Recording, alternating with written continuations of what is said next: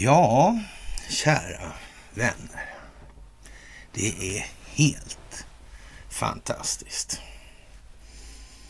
Något alldeles in i helvete fantastiskt det är vad det är. Ja, det är en ny vecka. Mm. Det är jordens genom tiderna största folkbildningsprojekt. Det är en stingoperation som ligger till grund för den här globala folkbildningsinsatsen. Mm. Fantastiskt det här. Västerländsk demokrati i sin Prydo. Vad är det vi har haft egentligen? Är det någon demokrati av det här? Mm. Dramatiken tilltar. Mm. Det är som det vore planerat eller har varit i säck innan det kom i påse. Mm. Kan det vara så jävligt alltså? Kan det ha varit så? Kan det ha varit på något annat vis kanske? Jag vet inte riktigt. Nej. Faktiskt. Mm. Vi eh, skriver den eh, 31 i tionde 2022. Red October är över. Och nu, mina vänner, nu kommer annat. Och nu kommer det ett eh, måndagsmys.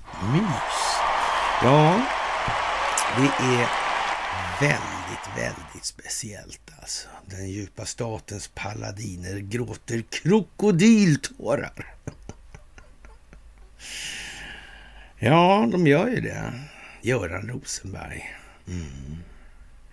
Donald Trumps väg är vägen till helvetet. Det är då till att ta i alltså.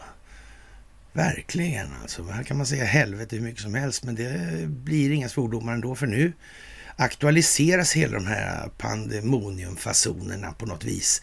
De, eh, ja, de materialiseras på ett nytt sätt. Eh, den här veckan verkar bli dramatisk. Det börjar lite halv speciellt får man säga. Mm. Det gör ju det. Väldigt konstigt det här. Och eh, som alltid, vad handlar allt det här om? Det handlar om folkbildning. Och därför, kära ni, så är ni den avgörande delen i hela den här ekvationen. Och ni ser nu vad det här är för någonting. Människor förstår mycket, mycket mer. Ni utgör ja, den bärande länken här i Sverige och inte till någon liten del internationellt heller. Det är ju lite speciellt, det måste man säga. Mm. Det är lite speciellt alltså. Mm. Det är många som tycker mycket och jag vet inte, vi kanske ska ta och prata lite om det här med Göran Rosenbergs och hans utsagor i de sammanhangen. Jag blir lite eh, snudd på tårögd. Men först ska jag naturligtvis som vanligt, som vanligt, så ska jag tacka er för att ni gör vad ni gör. Att ni är vad ni är. Att ni utgör den förändring som vi vill se i vår omvärld. Mm. Det här med individen, känslogrunden och värderingar. Mm. Det här med att ha saker att peka på istället. Mm. Yttre omständigheter. Den här filosofiska materialismen, den verkar inte vara någon riktig höjder. Jag vet inte, jag, en gång sa jag så här i alla fall att människan måste ta ett steg nu och gå från att vara filosofiskt materialistiskt orienterad till att bli då, ja, inte renodlad, för det kommer vi aldrig att bli, men i alla fall mer ja, filosofiskt idealistiskt orienterade, mera intellektuellt emotionellt orienterade. Alltså, vi måste försöka förstå våra egna känslor bättre. Eh, det var en gång jag har sagt det bara. En miljard gånger kanske det var. Eller nej, det var det väl inte, men det var rätt många gånger faktiskt. Och det, på något vis så verkar det hänga i det här, jag vet inte. Mm. Mm. Ja, det där är speciellt, det får man säga. Verkligen, verkligen, verkligen. Ja, Donald Trumps väg är vägen till helvetet, säger Göran Rosenberg. Och han, verkar illa berörd här nu. Alltså, jag vet inte om det har något med valfusket i USA att göra kanske.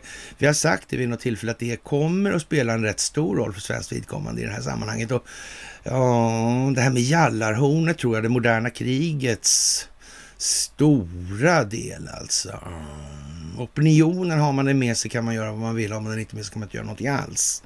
Mm, det har vi sagt några gånger nu tror jag. Mm. Och, och eh, minsann alltså, det fäster, det fäster, det fäster alltså. Ja, det skapar momentum, det gör det nu alltså. Men det fortfarande envisas en del och ja, de framhärdar liksom. Nej, det är inte så inte. Nej, nej, nej det är bara vi sätter dit Rothschild så. Mm. Och, och, jag fattar inte vad de där inte bråkar med varandra för de här eh, som griper Hillary Clinton och avrättar henne på Gitmon. Varför, om nu problemet i den där lilla skitfamiljen då liksom eh, Eh, varför har inte underrättelsetjänsterna gjort slag i saken? Det finns inga egennyttiga militärer menar de. Det verkar ju finnas ett par stycken i alla fall på sina håll som är hyfsat filosofiskt materialistiskt orienterade. Kanske inga moralfilosofiska genier helt enkelt. Eh, tämligen lågpresterande skulle man kunna säga i det avseendet. Ja, det tror jag. Eh, är nog inte att, att ta i alltså över magen. Nej, det tror jag inte. Och efter valet den 8 november då kan de Trump-lojala republikanerna få majoritet i kongressen alltså. Och, och, och då, ja, han uttrycker i termer av att Trump kommer att försöka fullborda sitt antidemokratiska förstörelseverk om han återfår presidentmakten. Det är då till att ta i alltså. Va? Ända från tårna. Mm. Ja, det där får man nog se som lite ja, något tecken kanske rent utav. Och även om det inte är tecken och ren teater så är det lika förbannat ett tecken just nu här. Det hamnar så att säga i den manegen som är krattad för att ta emot den här typen av eh, signalverkan, alltså mm, den här värdeladdningen i informationsinnehållet där. Ja, det där är ju speciellt. Men som sagt, tack för gåvor på Swish och Patreon i alla fall. Och tack för att ni fördjupar er på karlnorberg.se. Och sen har vi den här med Telegramtjänsten och den börjar komma upp här på något konstigt vis alltså. Den spelar en roll i det här som kommer att visa sig här snart.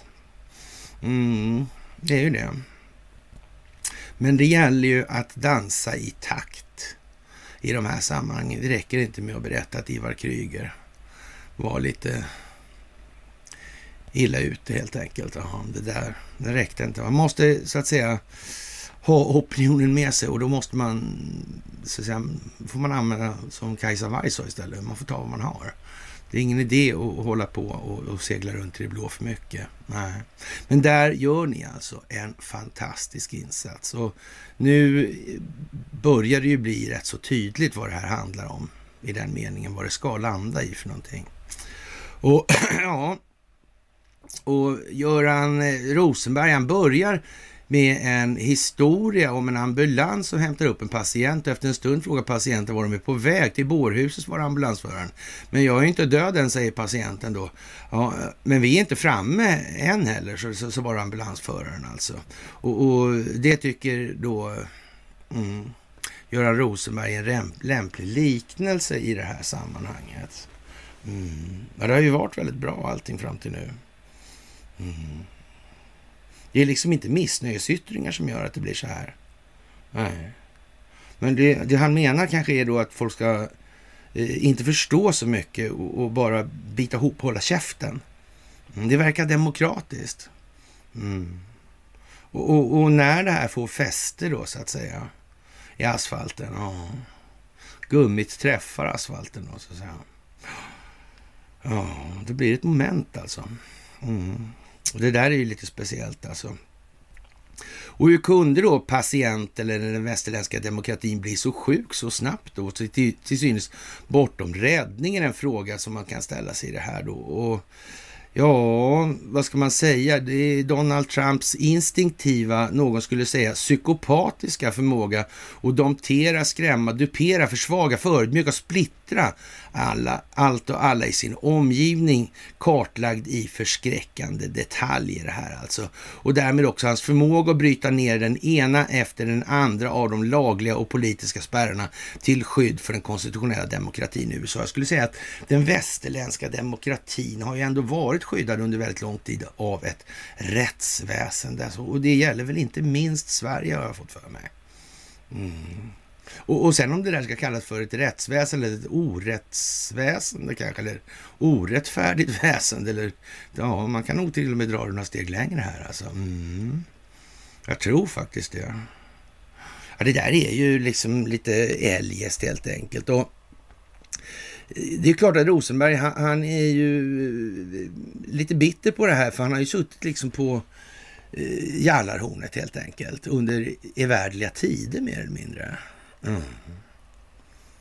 Det där är ju lite eljest alltså. Och skulle det visa sig att det som Donald Trump till exempel anför som understöd av, eller som understöds då av, eh, ja, ska vi säga Recep Tayyip Erdogan, Xi Jinping och Vladimir Putin. Då vet inte jag om eh, så att säga, den Rosenbergska föredömligheten kommer gå till historien som särskilt eh, smickrande. Nej, jag tror inte det. Det finns nog en hel del som mår rätt dåligt nu, det är nog så. Och, och ja, som sagt, vi, vi, vet ju inte riktigt vad han vet och inte vet i de här sammanhangen. Men det är ju en dramatik och ett anslag i formuleringarna som vi aldrig någonsin har sett i svensk media. Det här är ju inte krigsrubriker, det här är ju undergångsrubriker. Och, och så vitt det är känt nu då så finns det väl en hel del, lite mer än indicier alltså på att det här med valfusk verkar ändå inte riktigt släppa. Och det tar väl Rosenberg också upp i och för sig då. Och ja, de här lögnanhängarna kommer tillbaka som delstatsguvernörer, alltså delstatsämbetet som kontrollerar valprocedurer och rösträkning, vilket betyder att politiker som gjort karriär på att förneka resultatet av det senaste presidentvalet kommer hamna i positioner där de kan manipulera nästa val alltså. Eh, vilket implicit, implicit indikerar då att Rosenberg eh, han är liksom säker på att de här som tidigare har eh, som han själv uttrycker saken här då, har suttit i positioner där man kan manipulera nästa val då. Det har de inte gjort. Det är han säker på.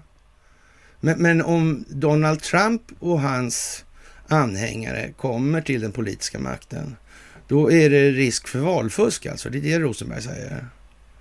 Ja. Man vet ju inte om han tror på det där själv riktigt. Eller rättare sagt, det är svårt att säga hur han uppfattar att eh, de som läser det här ska se på det. Klarar de av att översätta det här till vad han egentligen säger?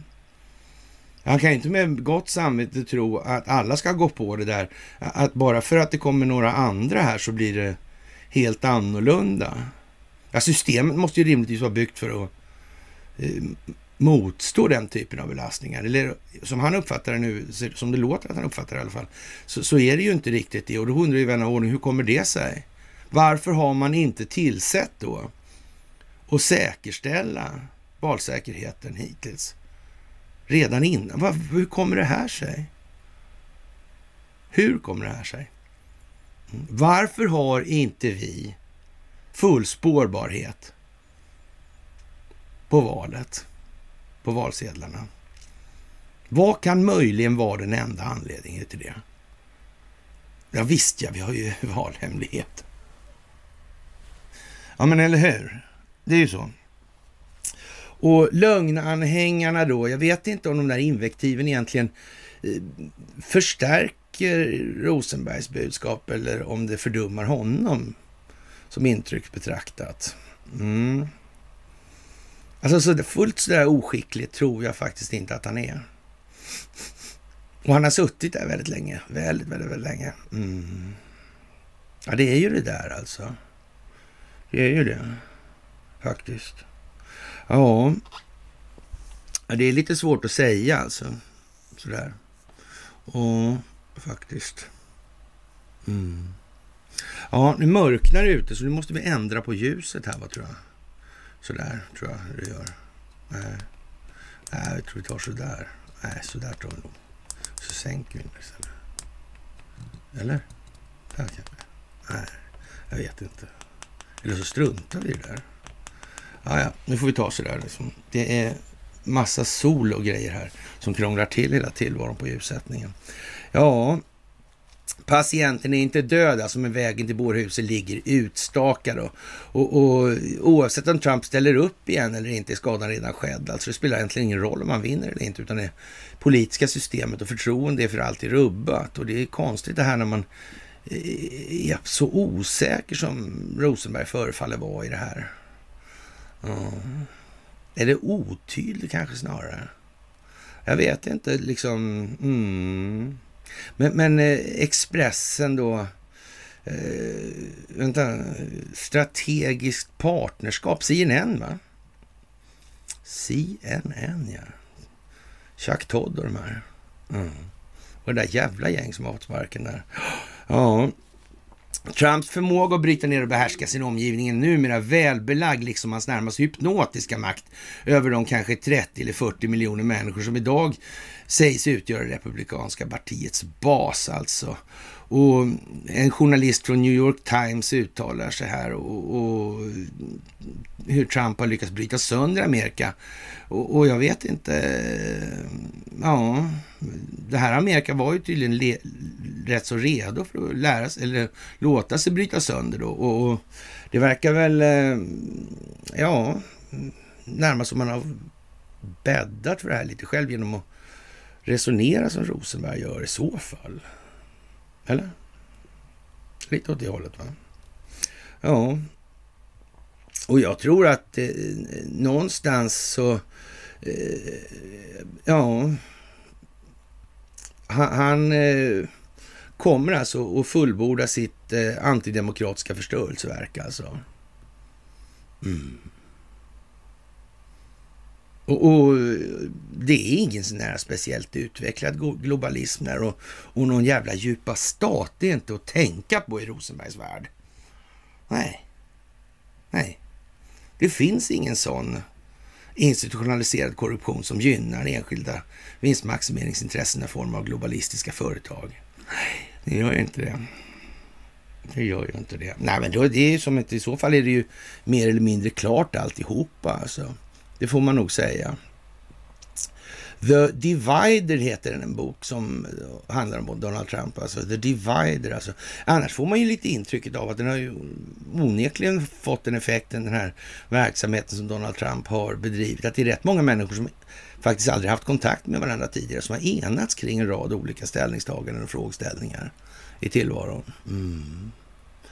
Det är ju lite märkligt ändå. Alltså, det verkar på något vis som att det är nog mera enande än vad det är söndrande alltså. Mm.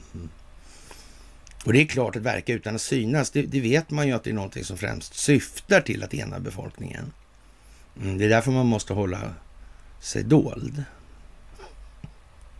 Jag vet inte som sagt det där med Rosenbergs förståndsgåvor egentligen. Alltså, jag känner inte honom personligen, men Eh, alltså, man kan säga så här, det är inget vederhäftigt intryck i alla fall, det vill jag inte påstå att jag tycker. Nej, det vill jag fan inte säga alltså. Mm. Ja, lite udda det där alltså. Ja, en riktig orm alltså. En rena kungskobran. Nej, men eh, skämt åsido alltså. Och eh, ja, vad, vad, ska man säga? En svag förvaltning alltså som lyder. Mm. Nej, Sverige, nej, det var inte Sverige. Nej, det var ju inte det alltså. Det var ju inte Sverige det handlade om. Här. Stockholmsbyråkratin är ju naturligtvis ingenting sånt här överhuvudtaget. Det har inga inslag av det här. Och, och många undrar ju en massa saker. i det här naturligtvis. Och Ja, till exempel det här med Elon Musk. Han är kompis med Peter Thiel då. Mm. Thiel där. Han skulle bli mer Thielsk. Nu är det dags att go, goes Thiel liksom. Jaha. Mm. Familjen Thiel. Mm. Inte han någon släkting den där? Tidigare. Bankir. Han var kollega med, med någon som hette Wallenberg, tror jag. Ja, fast när Thiel dog så var de inte riktigt lika besuttna, om vi säger som så. Mm. Äh, det var tillgångsmassan var lite olika. Om man hade 3,75 eller vad det var när han dog den där. Ja, ja. det där var ju speciellt. Mm. Och sen skaffade han sig ett bolag där. Jag försökte faktiskt använda det namnet då. Och, och, det var värsta krångligt i det där alltså. Världens jävla varianter. Alltså jag skulle döpa... Ja, det var egentligen ett ja, bevakningsföretag som skulle såg en massa saker med, med kameraövervakning och sådana här prylar. Alltså, mm. Jag skulle döpa det till Palantir alltså. Mm. Med T bara, inte TH som bloggen. Mm. Bloggen är ju gammal alltså. Så, alltså, ja. Mm. Ja, det har funnits lite tankar och... Men det här var i början på 90-talet alltså. Mm. Redan då var Patent och registreringsverket på något vis avigt, men det gick inte de kunde inte riktigt förklara vad det var de menade och varför. Så, och jag höll på rätt så mycket med det där ändå. Alltså det var lite konstigt faktiskt. Och Ja, och Elon Musk då som är ute på, som Rickard Lejonhjärta, men Jonathan Lejonhjärta i vart fall, och stjäl kattlehorn i parti och minut här nu. Mm. Ja, hur ska det bli med det där egentligen? Mm. Och, och, många är lite tveksamma där och han, eh, ja, de vet en massa saker säger de, eller vet och vet, men i alla fall. De säger att eh, han är kompis med den där och kompis med den där. Och, ja, men är det TIL då, då, vad har han gjort egentligen? Ligger inte massa teknik och patent som i vart fall inte gynnar Ericssons hantering av tillvaron? I den gängse mening som har varit i några hundra år sådär. Det, det, det gör han väl, va? Så det blir någon form av förändring i det här. Jag tror det. Det tror jag faktiskt. Mm. Det, det, det, tänker inte de här på riktigt ofta. Sådär. Ja, och Elon Musk, vad gör han egentligen då? Mm. Ja, någonting han gör i alla fall. Och det är väl ingenting att diskutera om sådär, utan han förändrar ju någonting i alla fall. så.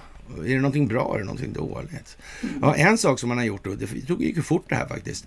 Elon Musk är nu ensam kvar i styrelsen på Twitter och det framgår av dokument inskickade till amerikanska myndigheter. Och det har tidigare framgått att Eh, Elon Musk planerar större nedskärningar på Twitter.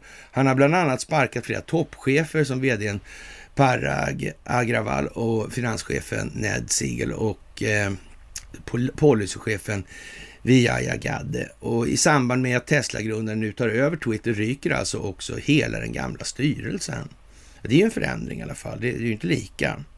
Är det något bättre då? Är det något sämre med det här? Det, kan man kanske tänka på. Men, men vänta nu här. Eh, det måste väl ändå vara så att Twitter är lite beroende av telekominfrastrukturen, det tror jag.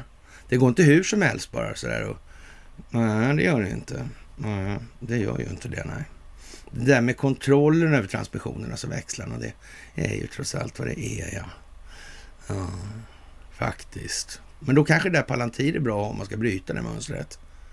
Det kan det ju vara faktiskt. Mm. Det kan ju vara så. Alltså Peter Thiels Palantir. Mm.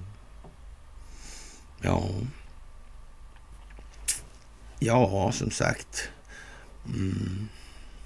Det har nog varit säkert innan han kommit på sig. Det har varit det länge, länge, länge, länge, länge. Ja.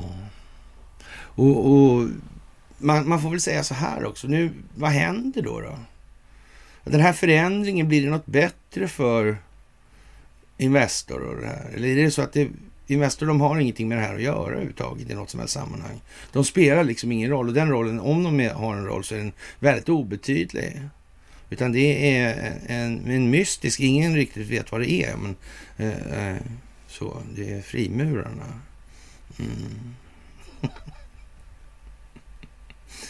Jaha. Ja, ja.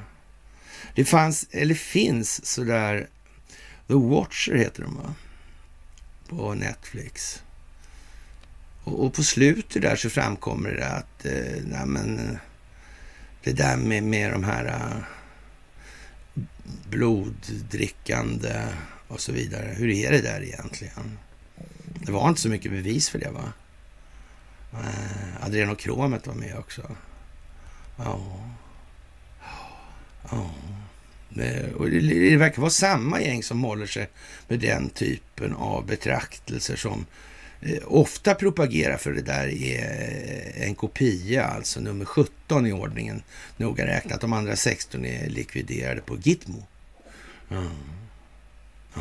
Ja. Det må ju vara som det är med den saken. Alltså, det handlar fortfarande om huruvida man har opinionen med sig eller inte. Sen då må de hålla på med sina saker. Och vi då leker med tanken att rent hypotetiskt att Donald Trump eh, är inget hot mot den här typen av verksamheter. Nej, utan han är bara en av marionetterna i det här, gjorda för att folk ska liksom eh, ja, slappna av och tro att det här fixas av sig själv.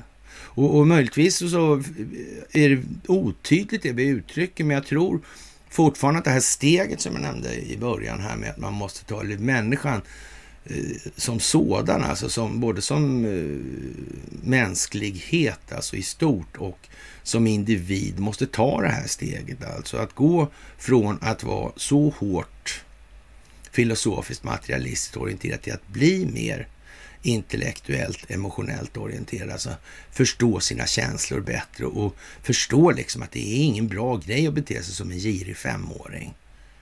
Det, är inget bra för samhällsuppbyggnaden alltså. Och, och låter man det gå åt den håll, så då är vi snart nere på liksom, ja, det, det primitiva stadiet, där det, liksom det fria kriget. Den fria konkurrensen, perfekta fria konkurrensen alltså. Man dödar alla som man kommer åt att döda för att, om inte annat, skydda sig själv. Alltså risken för att de ska bli sura på någon anledning. Sådär. Mm. Det optimala fria kriget. Elimineringen, konkurrensen alltså. Elimineringen, ja. Mm. Ensam kvar på jorden med alla materiella tillgångar. Vilken fantastisk tillvaro. Det, det måste ju vara roligt. Jag är inte säker på att de, så många människor faktiskt tror på den där jävla skiten längre. Och, och det gör ju ett, det skapar ju ett, vad ska vi säga, lite olustigt ljus kanske, snarare, på den här statsförvaltningen som vi har här i Sverige till exempel. Det, det, det, ser ju inte riktigt snyggt ut när man liksom, hur kommer det sig att man inte ens har tagit upp de här helt eh, rudimentära, alltså basala självklarheter alltså. Axiom närmast, alltså axiomatiska tankar. Det måste ju ändå de många ha förstått alltså. Mm. Ja, det där är konstigt. Alltså lite grann som det här Många människor vill inte liksom tro att de är så dumma i huvudet, de fattar inte det där. Ja. ja. Alltså EU begrep aldrig att ingen skulle bli gladare än Vladimir Putin om EU frös alla tjuvaktiga oligarkers tillgångar i EU och USA. Mm. Ja, de har inte, hur har de fått ut de där pengarna från Ryssland till exempel? Vad är det för pengar? Är det hedliga, sådär liksom, hårt arbetande och så vidare, sådana som Bill Browder? Ja, vad, det, vad, vad han producerat för någonting, tro. Mm. Magnitskijjakten, ja, kan man ju säga. Men det kommer med tiden här nu och den tiden är nu alltså. Ja, eurozonen då, det här med tillväxten och vad handlar det om? Det här, vad handlar ekonomin om? Jo, det handlar om det här skuldmätande valutafinansiella systemet, alltså det monetära systemet. Problemet med att räntekostnaden ackumuleras och systemet blir mättat på skuld. Alltså till slut blir försörjningsbördan för skuldmassan ohanterlig i den meningen att man måste börja låna för att betala räntan. Och det spelar ingen roll hur mycket man sänker räntan. För det som händer i den ändan, det är ju att förtroendet för systemet räntefria amorteringsfria lån. Hallå? Inte det? Nej nej. Det är väl inte så liksom jättebra det här. Och, och nu säger man ju då att tillväxten bromsar i eurozonen eftersom inflationen, mest beroende då på energipriserna, stiger så mycket. Men nu var det ju så där med producentledet, konsumentledet, ledningen emellan. Alltså den här mystiska säcken som puffar och hoppar och för väsen. Mm. Det där är ju lite skumt alltså. Mm. Prisbildningsmekanismen där. Hur fungerar det där egentligen? Det verkar som att eh, inflöde av betalningsmedel där är inte riktigt samma sak som eh, prishöjning. Det verkar vara olika saker alltså. Men man kan bara höja priset utan att det kallas för inflation. För infla det här, och den här typen av språkliga glidningar har ju inte kanske gjort så mycket för att öka människors förståelse för de här ekonomiska systemen. Nej, det har de nog inte gjort. Och det där är ju någon form av trovärdighetsbusiness det där tror jag eh, riksbankschefen Stefan Ingves har påtalat vid något enstaka tillfälle bara. Och han säger ju uttryckligen då att han är eh, schaman och estradör alltså. Mm, det här är förtroendebranschen, mm, säger han. Systemet bygger på förtroende. Det eh, fungerar inte annars. Alltså det bygger inte på någon form av mekanisk funktion, alltså, eller en mekanisk funktionsmässighet. Alltså. Nej, det gör ju inte det. Utan det är någonting som människor inte ska veta, utan de måste tro istället. Mm. Annars räcker det ju med, man kan ju säga, då kan man ju säga så här i och för sig då, att det, ja, inflation det är prishöjning, det är samma sak alltså. Ja, men det finns ju hundra sätt som man lätt belägger att det kan det ju inte vara. Prishöjning är prishöjning, inflation är ja, någonting annat. Det blir lite oklart. Alltså, men, och, och, och, möjligtvis kan man ju då i, i vidlyftigaste fall säga då att eh, prishöjning kan kanske möjligen vara eh, en konsekvens av inflation enligt den här ekonomiska teoribildningen som man håller sig med i det här systemet. Som inom kort kommer visa sig vara lika intellektuellt förankrad som idéerna om planekonomi och det här. Och, och händelsevis råkar båda systemtänkande, eller båda de här systemtänkandena vara eh, konstruerade av samma bakomliggande intressen. Det handlar om de här gamla kolonialväldes intressena, alltså återkommande. Det är ju så hela tiden. Det kommer tillbaka, det kommer tillbaka, det går runt, det går runt, det går runt. Ja, och...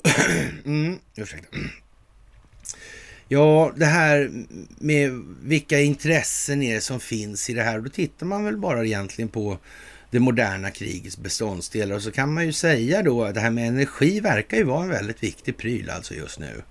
Eh, det kan ju kanske ingen ha missat eller så. Ja. Och då kan man väl säga så här, själva eh, kraftförsörjningssystemen helt enkelt. Det verkar ju ändå vara en central grej. Alltså, och, och de har en ganska intim koppling till telekominfrastrukturen skulle man ju också kunna säga i det fallet. Mm.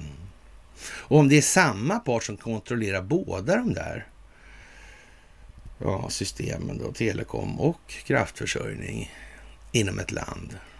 Då, då, måste man vara svensk om man inte tror att det utgör en maktfaktor. Mm. Och att det är samma jävla maktfaktor i typ 150 länder på planeten. Här. Jag vet inte exakt om, om, om det har så mycket med frimurar att göra på det viset. Alltså. Mm. Och det är ju själva fan att inte de har tagit... Eh, ja, kan ju ta vilken jävla underrättelse som helst. Låta lönnmörda bort alla de här eh, konkurrerande... Ja, vad det nu är för någonting. Som sagt, det är vad det är nu och eh, det framgår med all önskvärd tydlighet faktiskt. Jaha, och i Brasilien då eh, så har man haft val och, och där har socialisten Lula eh, slagit sin rival då, sistande presidenten Bolsonaro och eh, den här eh, Jair Bolsonaro, eh, ja, var minsta marginalen någonsin alltså. Vad är det här för någonting? En sak kan man vara säker på med avseende på vad vi sa alldeles nyss. Alltså när det gäller Brasilien är det ju som Sydlatinamerika. Alltså, eh, som det alltid har varit. Alltså. Mm. Man, man, kan ta med fördel alltså eh, ta ABB eller ta Ericsson, skriv in det i sökrutan och sen skriv in landets namn sen så får vi se om det finns någon representation där. För där verkar de ha gått eh, stenhårt på pumpen när det gäller det här alltså. Mm. Eller rättare sagt gjort helt rätt med andra ord. Alltså, för det, det är ju västerländsk demokrati i sin pryd då. Och, och det får man ju komma ihåg då.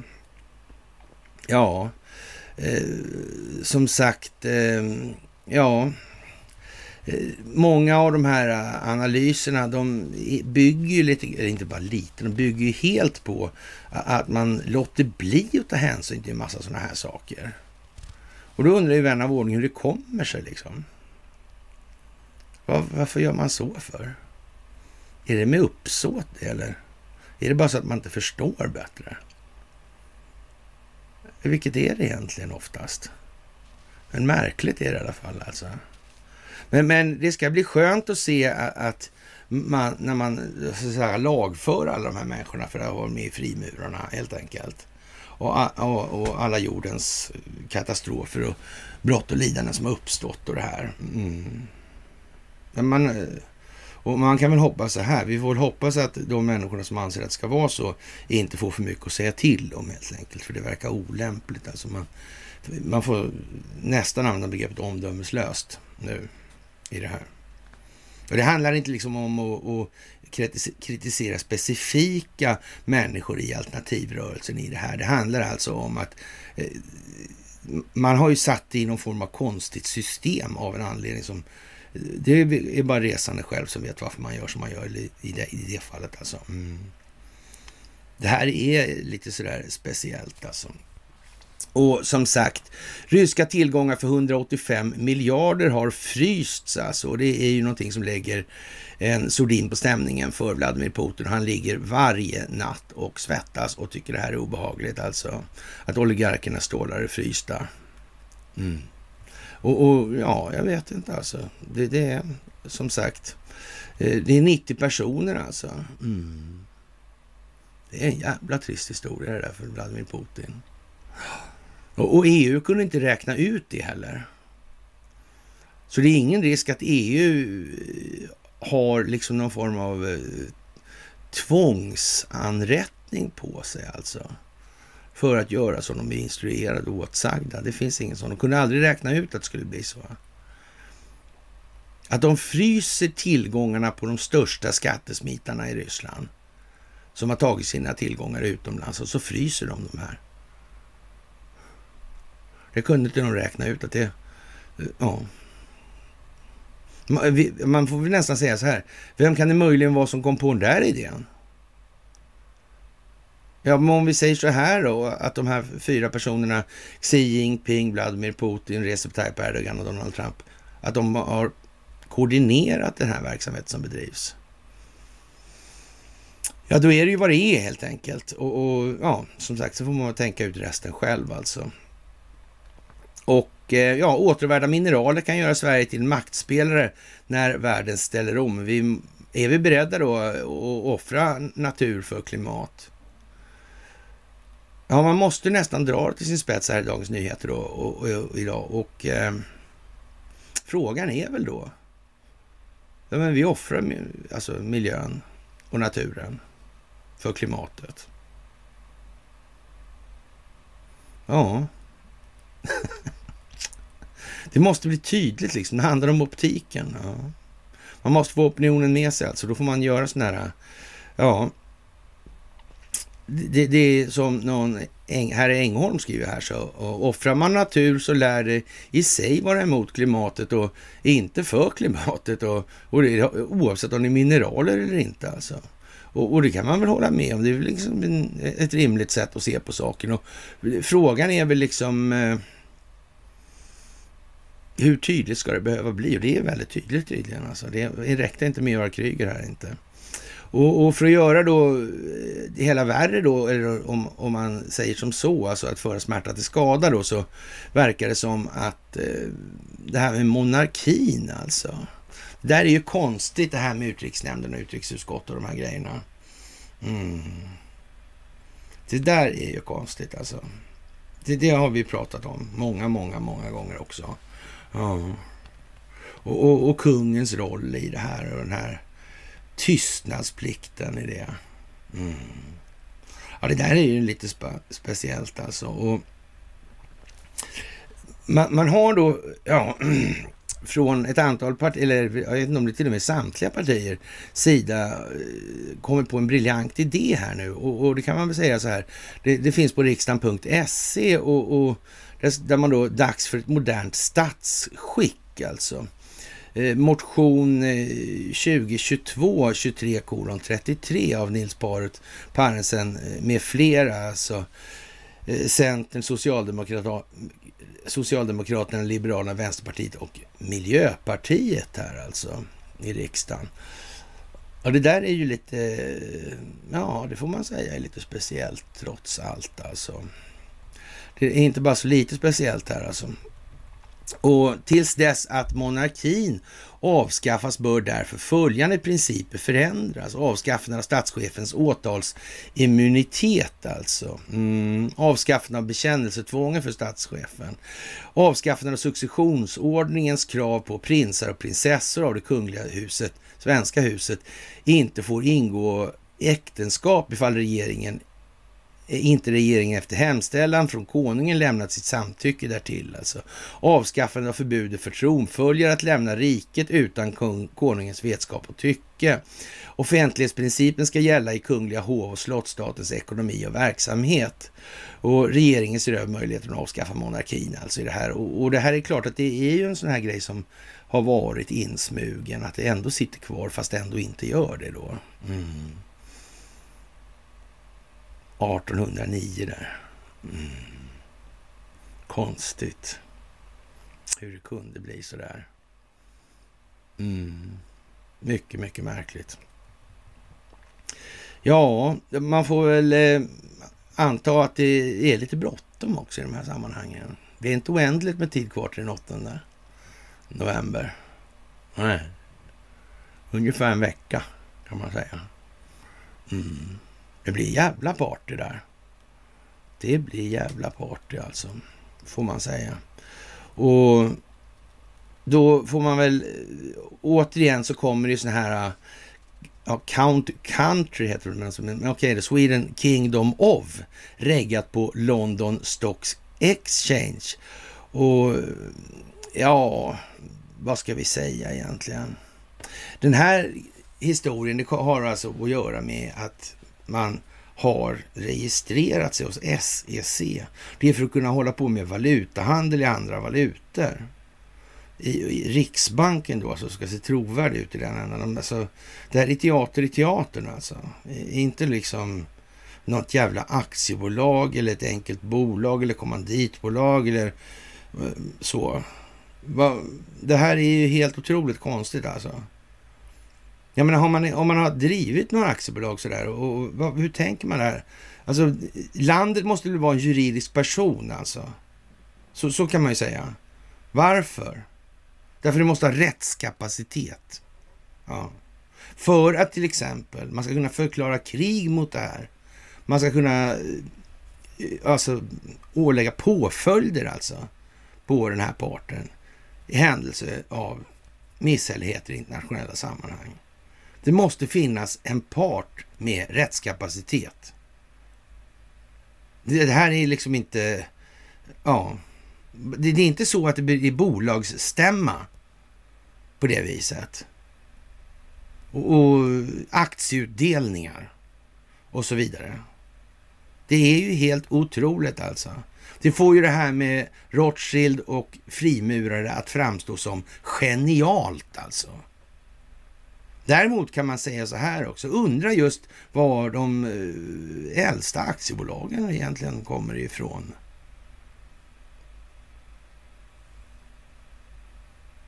Ja, vad kan det vara? Ja, vad kan det vara? Det är fortfarande samma intressen. Tänka sig alltså. Är det inte konstigt? Ja. Tänk vad märkligt alltså. Mm. Tänk vad märkligt. Ja. Jo, ja, jag vet inte.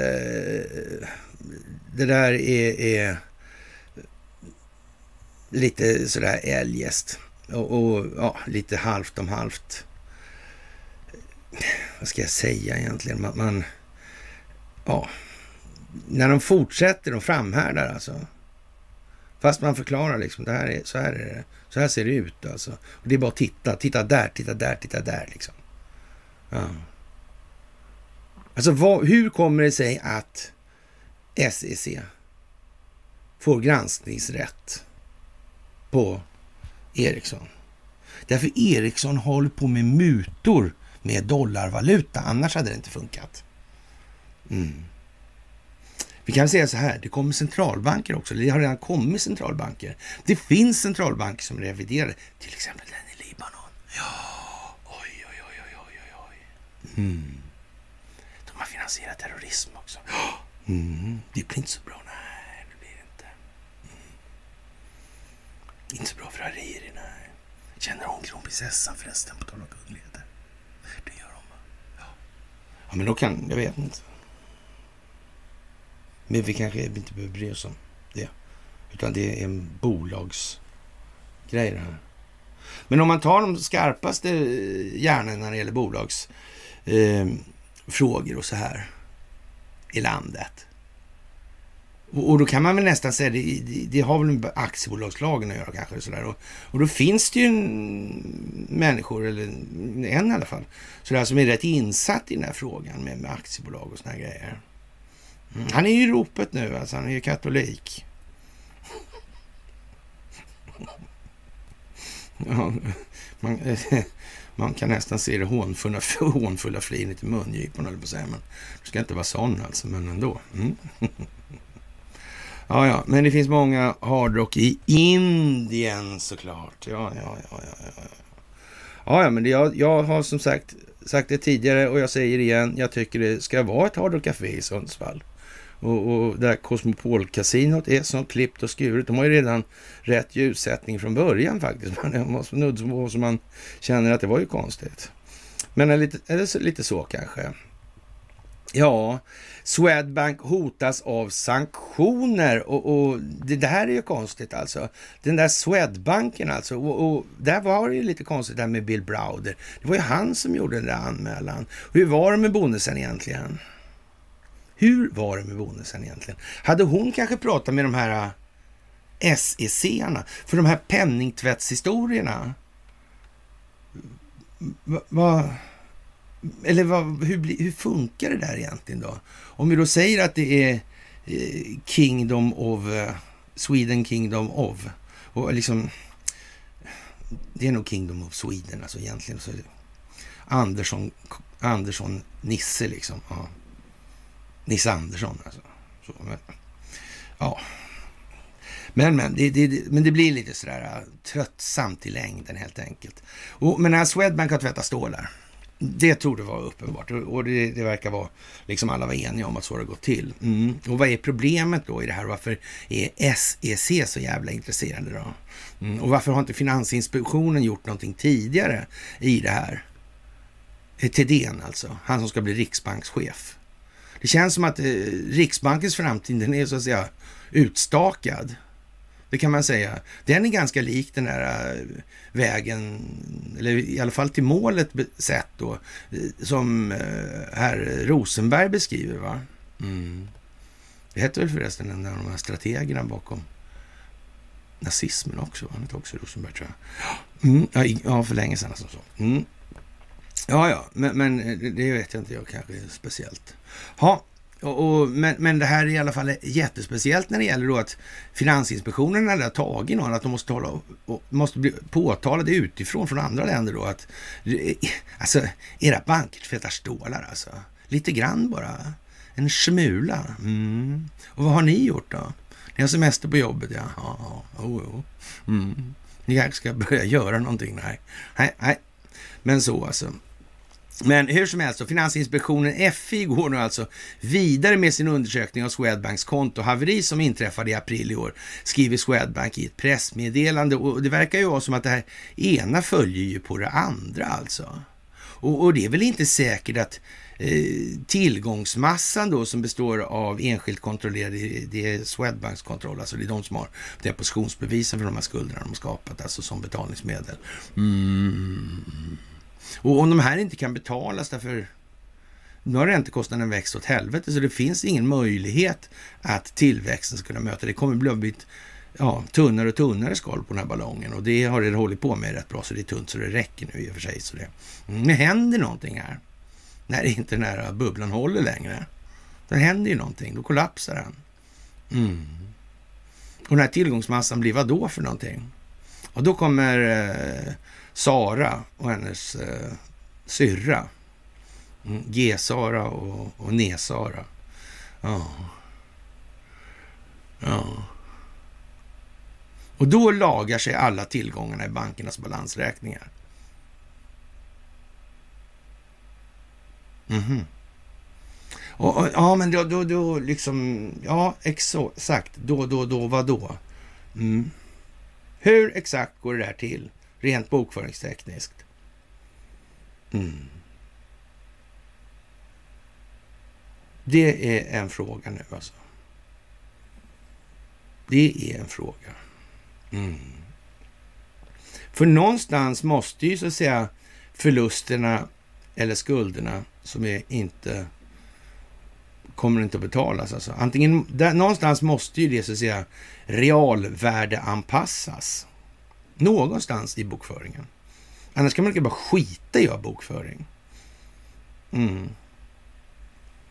Och så kan Nisse och hans polare stå där bakom skynket fortfarande med, med spakarna till den stora maskinen som bullrar trollkarlen från oss och det här.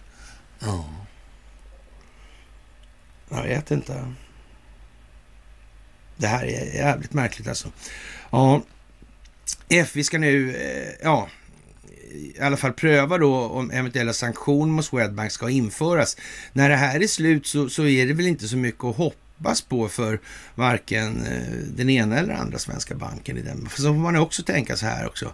Hur, hur fort kan man då införa en sån här grej? Ja, de som har ju betalat av sina skulder, de vill ju inte att det ska införas alls liksom.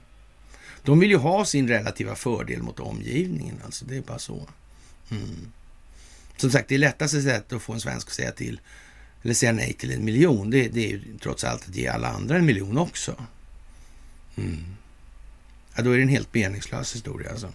Ja, i juni bestämdes i alla fall Finansinspektionen för att granska om Swedbank följt lagar, regler och processer i samband med kontohaveriet som inträffade den 28 och 29 april i år. Och då, vän av ordning undrar ju så här, men vänta här nu, Eh, jag vet inte vad då staten här och kontosystemen, alltså det har ju att göra med betalningsinfrastrukturen alltså. De här kontosystemen, har, har, har staten något eget sånt där eh, betalningsinfrastrukturellt system? Eller också kanske de, då kanske de skulle ta och hålla käften om de inte har det istället. För till syvende och sist är det ju så här att det är det enskilda intressen. De har ju liksom inget Eh, Eh, det står ju liksom inte i något avtal med staten att ni är skyldiga, annars kan vi så att säga påföra er rättsliga påföljder. Det här är aktiebolag, så de kommer inte, inte ett enda bolag kommer sitta i finkis. Nej, det kommer de inte göra. Nej, inte alls. Och då får man nästan tänka sig, men hur, hur, hur har de tänkt där egentligen? Och de här bolagsgrejerna i Sverige verkar vara gamla. Det är kanske de som Sverige är som är, som är äldst på planeten, eller? Jaha, ja, ja. Men, ja, vad konstigt. Är, är, är, är, är det frimurarna? Eller vad är det för någonting? Ja, ja, ja, ja. sådär alltså. Ja, Gustav Vasa, han var ju lite sådär om så kring sig också. Ja, han började lite grann med stormaktsambitioner sådär, va? Gjorde han inte det? Lite som en elefant i porslinsbutiken nästan där. Mm. Ja, här hade en båt som hette Elefanten förresten också. Just det, så var det. Mm. Men den gillar inte kungsgåvor, tror jag. vet inte. Men jag har hört lite om det. I alla fall sådär. Jaha, vid händelsen visade, visades fel saldon på Swedbanks och kunders konton och, och det såg ut som pengarna hade försvunnit. Ja, och om de, de, digitala noteringarna inte fanns på kontot, ja då var de väl inte där, men om de kom dit igen så, ja, vad, hur menar de då försvunnit eller inte? De, eh, ja. Det är liksom ett träd som faller i skogen och ingen hör det. Eller va, vad? Ja, det där är lite lattjo. Swedbank har nu vidtagit kraftfulla åtgärder så att liknande incident inte ska kunna hända igen. Swedbank har löpande under och efter incidenten lämnat all information till Finansinspektionen enligt gällande rutiner, skriver banken i ett pressmeddelande ungefär. Men dra ni åt helvete! Ni har inget kontosystem, så det är bara stick Ja, men vad... Så? Men det är ju Göran som är en av hövdingarna där, va? Det är ju lite speciellt det här. Mm, eller var i alla fall. Ja, eller i alla fall ja, utåt sett. Och som sagt, det här är ju lite tjurigt nu. Det, det, måste man ju. Och man har inte börjat det här på Finansinspektionen. Påbörjat det här. Och, och, man har ju konstaterat då att den är rätt så korrumperad, givetvis. Alltså. Så. Mm. Men eh, när man gör det då? Åker man till Nohak då, så tar man vederbörande så åker man avrättar honom på Gitmo. Liksom precis samma sak som annars. Eller som man inte gör alltså. Så inte det där med att skjuta Hillary på Gitmo. Man gör inte så. Alltså. Det är helt värdelöst. Dålig verkningsgrad på insatsen helt enkelt. Hur gör man då? Ja, när man man gör som Ramzan Kadyrov. När de första två IS-gubbarna hade ett mystiskt hemligt möte i de konstiga djunglerna någonstans eller whatsoever. Liksom. Ja, då säger han, nu ska jag göra sådär. Då dyker det upp en gubbe som en sprattelgubbe bakom en sten. Bara, Jag vill vara med och göra det liksom. Mm, det var en tjetjen från den tjetjenska underrättelsetjänsten. När de första två sa första ordet, då kom infiltrationen direkt. Ja, annars har underrättelsetjänsterna sovit på jobbet alltså. Det var så. Och märkligt nog, kära vänner, det är exakt samma sak här. När de fick nys på det här. Mm.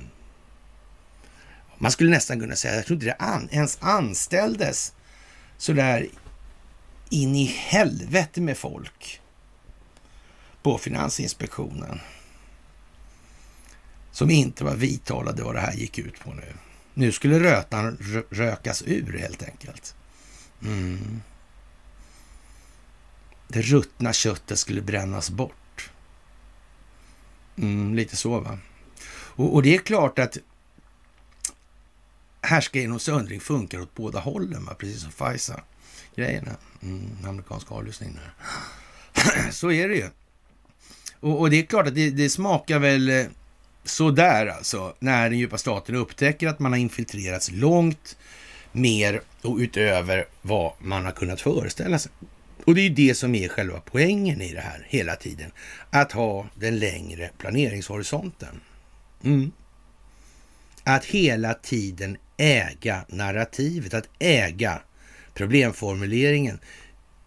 Se till att motståndet befinner sig i en handlingssituation som går ut på att reagera.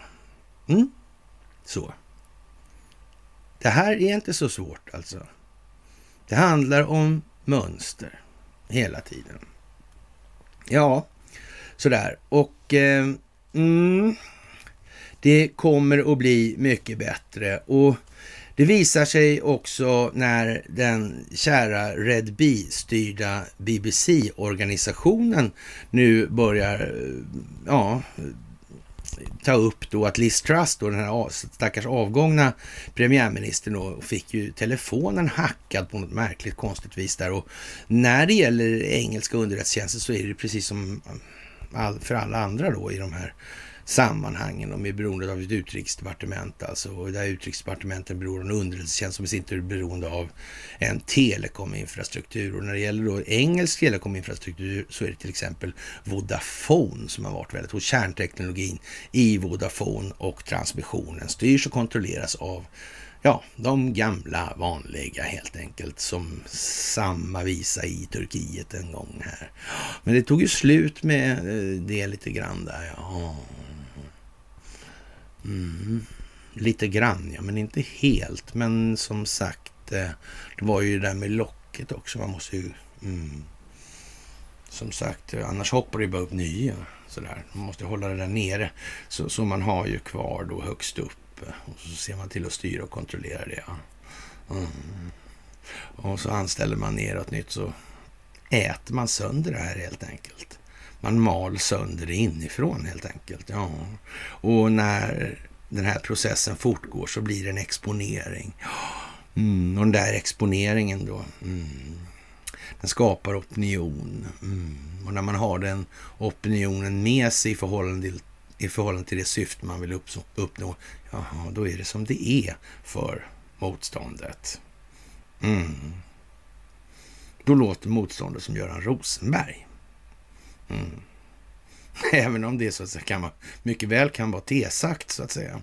Och, och ja, ja, en del saker är ju faktiskt så eh, över hövan imbecilla i den textmassan så man får ju faktiskt fundera lite på om det inte har varit både hängslen och livrem i det avseendet alltså. Mm, faktiskt. Liz Truss då, i alla fall, hon eh, Eh, hade ju då eh, ett litet, en liten kommunikation då med den amerikanska utrikesministern Blinken där. Mm. Och det gällde Nord Stream. Mm. Och det måste man ju säga, då hon tidigt bollen. Mm. Ja, faktiskt så tidigt och så klumpigt och så dumt och så vidare så man får nästan svårt att värja sig från intrycket att det här var nog riggat det också. För att skapa just de här opinionsbildningsmässiga effekterna. Och, och man får väl säga så här att eftersom det verkar vara en oerhörd mängd med sådana här skådisar, alltså inblandade, så får man nog säga att de måste ha gjort något påfallande dumt för att försätta sig själva i den situation som de har hamnat i. Så måste det vara. Mm. Det verkar väldigt tråkigt för många alltså. Som tur är så har vi inga sådana människor i Sverige överhuvudtaget. Inte en enda. Ja, det bor någon i, i, i ja, på Västgötaslätten och något sånt kanske. Ja, ett par Indien också, men annars, annars är det tunt alltså. Och att hon känner till de här eh, sprängningarna då eh, långt innan vad som kan eh, ens kan anses vara möjligt. Alltså det, det tycker inte då Redby som kontrollerar BBC är eh, särskilt viktigt. Alltså. Man tar det här i steg och delar alltså. Ja, det verkar lite så alltså. Ja, det, det är så helt enkelt. Ja, fantastiskt är det i alla fall. Det får man ju säga. Det är bara små saker som händer nu och, och eh, vad ska vi säga? Västvärlden har ju eh, sakta men säkert eroderat sönder moraliskt i det här avseendet. Det handlar ju till stora delar om att banalisera eller förenkla kanske vi ska säga snarare det här med tankesättet. Skriv klar, eller kort, rakt och enkelt alltså. En riktig svenska. Mm. Sen, det förutsätter ju på något vis då att det finns inga ohederliga människor. Gud förbjuder då att, eh, ja, så att säga, den styrande makten är en styrande makt och inte ett ledarskap alltså. Mm. Makt är motsatsen. Makt, alltså kraft att bryta motstånd. Det är det funktionsmässiga dipolen, eller motsatsen alltså, till ledarskap. Mm. Det är ju så. Det här verkar vara en bättre väg, den väljer jag. Ja, det, det är ett tecken på gott ledarskap när individer resonerar så. Någon har... Men när det här då som man säger så här, det förespeglar i alla fall att det här, det här är ledarskap, säger man. Och så. Mm. Men när de som tycker att det här verkar en bra väg och följer den här har bara kommit 38 meter på den här vägen och så konstaterar man, men helvete, det här, syftar, det här syftar inte alls till allas bästa som idioten står och säger. Idioten vill ju ha högre gage liksom. Va, va, vad är det för jävla kommunalpolitiker som sådana här stålar alltså? Ingen nämnd och ingen glömd i Norrtälje alltså. Med 16 sekunders konstpaus eller vad fan det var liksom. Ja, han var så dum i huvudet så han förstod inte att det skulle bli en opinionsbildningsmässig effekt. Mm. Ja, men som sagt, alltså, det måste vara rätt många som är med på att det här ska göras tydligt. Och, och eh, för att de ska vara med på det och framställa sig själva i, i en sån briljant dager så måste man rimligtvis ha gjort någonting som, som man tycker är värre att det kommer upp i ljuset av verkligheten än att just då framstå som århundradets jävla idiot liksom bara. Mm. ja, man säger så här, det är därför man kan vara rätt säker på att det finns faktiskt en och annan svensk som eh, inte är fullt klanderfri i alla avseenden. Det, så är det nog faktiskt. Ja. Och nu visar det sig då fasansfullt nog då i, i dagens juridik alltså att spoofing till miljonbelopp var grov marknadsmanipulation. Alltså man kunde lägga köp och sälj på slutet och innan och såna här grejer så, så behövde man inte fullfölja det där då. då. Ja, just det. Sånt där. Liksom man tidsförskjuter där på något vis. Och så kan man eh, utöva en viss kurspåverkan då. Inte så liten heller kanske i små aktier eller små, mindre aktier då.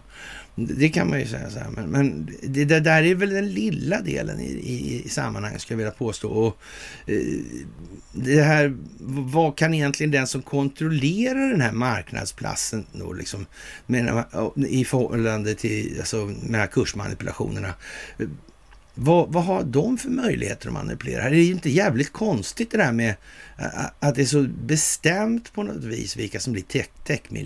Alltså, det, det, är lite sådär en, en, en, slags lite dold pump and dump inblandad i det där på något vis. Mm. Det kan ju vara så, man skulle kunna säga så här. Hur är det egentligen med den här Tesla-vesslan liksom? Ständigt denna vässla, ständigt denna Tesla. Men gamle Muskis liksom. Mm.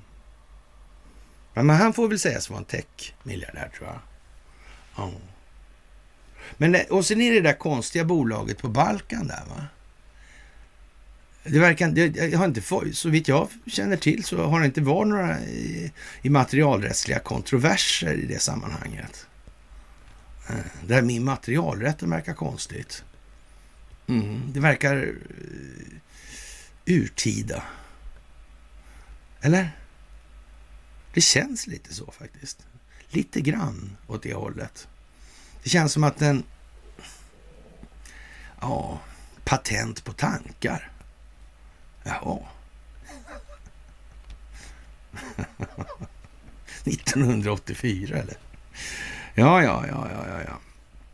Och, och, och, som sagt, eh, det fanns uppsåt till att påverka jämviktspriset och skicka falska signaler till marknaden om tillgång och efterfrågan. Och, och det här är ju lite konstigt alltså. Och, och det här med marknadskrafterna är ju en mycket speciell ekonomisk historia, måste jag säga. Faktiskt. Mm, konstigt.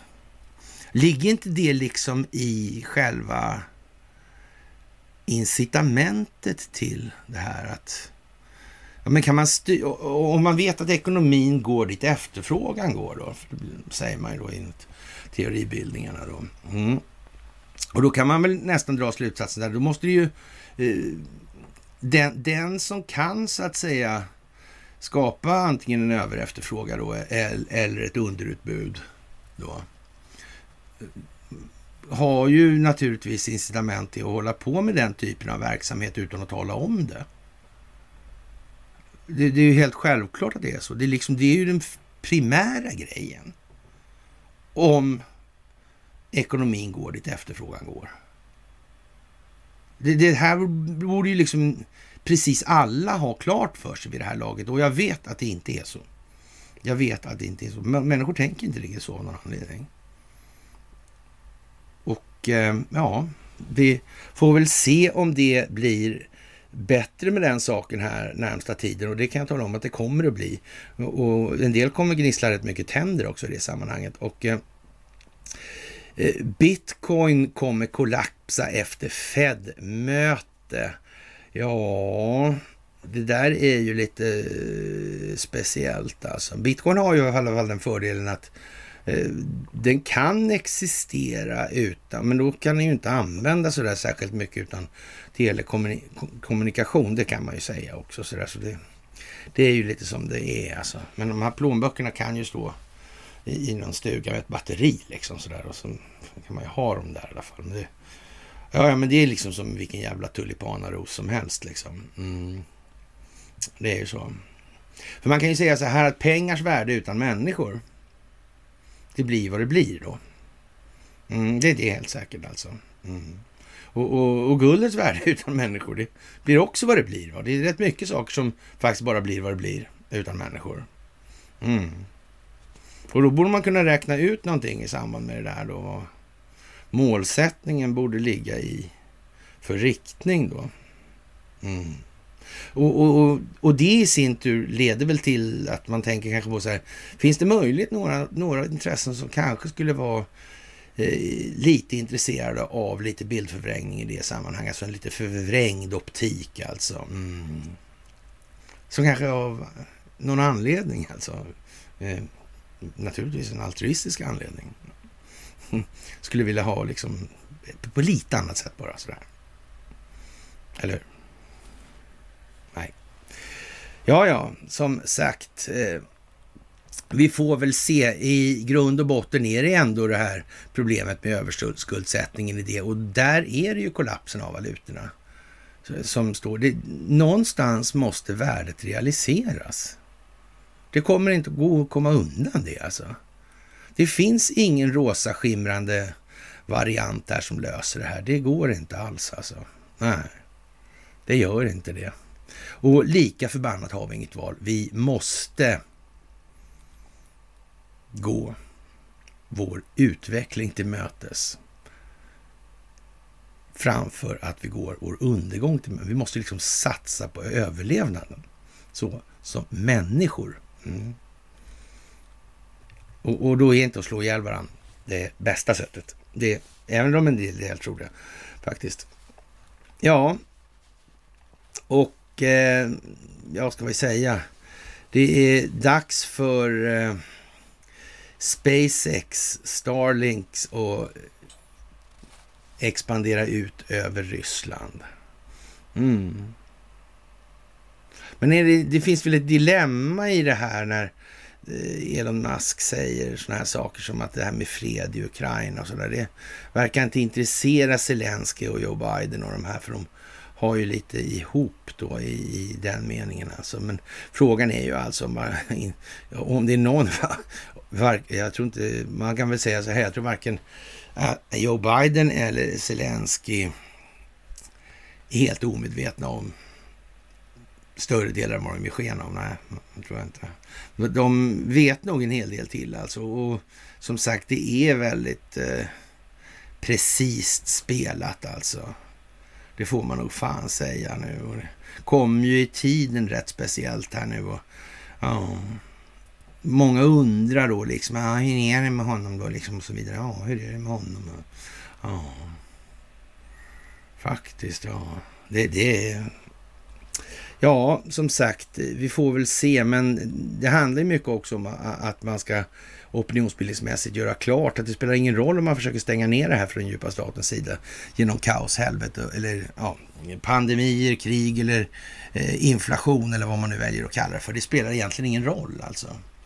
De här skulderna i bakändan på de här pengarna, de är vad de är. Det går inte att fly från dem på det viset. Nej. Och sen ska man då, eh, säger man då istället att man ska införa New World Order. Den infördes 46 redan, så det kan du glömma redan där. Men vi fortsätter med din lek ett tag till, ja, sen då.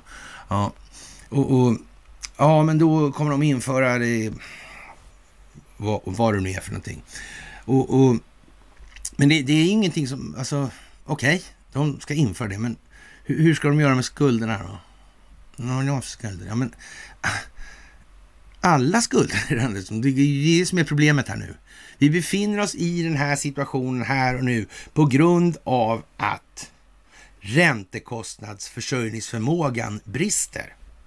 Det går inte. Det går inte att skapa tillväxt, realekonomisk tillväxt, realvärdeförädlande tillväxt i en tillräcklig omfattning för att möta kravet från den ackumulerade räntekostnaden. Tillväxtkravet alltså. Men det här förstår inte jag. Nej, men om du funderar på det en stund istället så behöver vi inte hålla på med de här diskussionerna.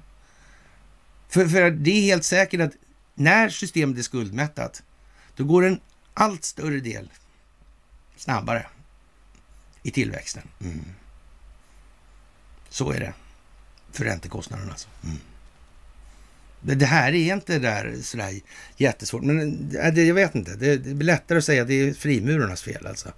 Ja, faktiskt. Helt säkert. Ja, och eh, Elon Musk han twittrar nu efter att ha sparkat styrelsen då att eh, advokatbyrån och, och Twitterstyrelsen medvetet gömt bevis från domstolen i ett e-postmeddelande med Joel Roth alltså. Och, och, och, ja, de kan sitta i stora problem alltså. Faktiskt. Ja, och, och det, då innebär ju det liksom att det, jag vet inte om han, om han försöker då hitta någon form av eh, rättslig lösning på det här kanske. Och, och, då verkar de ha ljugit för domstolen då. Och, och då blir det också det här problemet med Eh, SEC alltså. Mm. För det är dollarvaluta det håller på, hålls på med alltså. Mm. Security Exchange Committee. Det, ja, tänk vad konstigt. Inte Free Mason Register eller ja, Blood Drinking eller nej, Lizards eller Shapeshifting religion eller whatever. Liksom. Nej, det är ju konstigt alltså. Och jag vet inte. Jo, det gör jag väl, men, men, men eh, eftersom många är som Rosenberg alltså. De har ju levt sina liv där. Vad, vad, vad, vad är ens ut, utsikterna för att han ska resa sig i sig själv alltså? Och, och, och konstatera att allt han har gjort under hela livet kanske inte är så där jävla lyckat alltså. Och noga räknat verkar det vara en hel del som inte alls lyckat. Och, eller skulle man kunna säga att det var en jävla massa misslyckanden ur det perspektivet. Mm. Hela livsgärningen ser ju för fan ut som den var uppsåtligt skapad för att framstå som en idiot på slutet i ljuset av verkligheten idag. Ja, jag vet inte.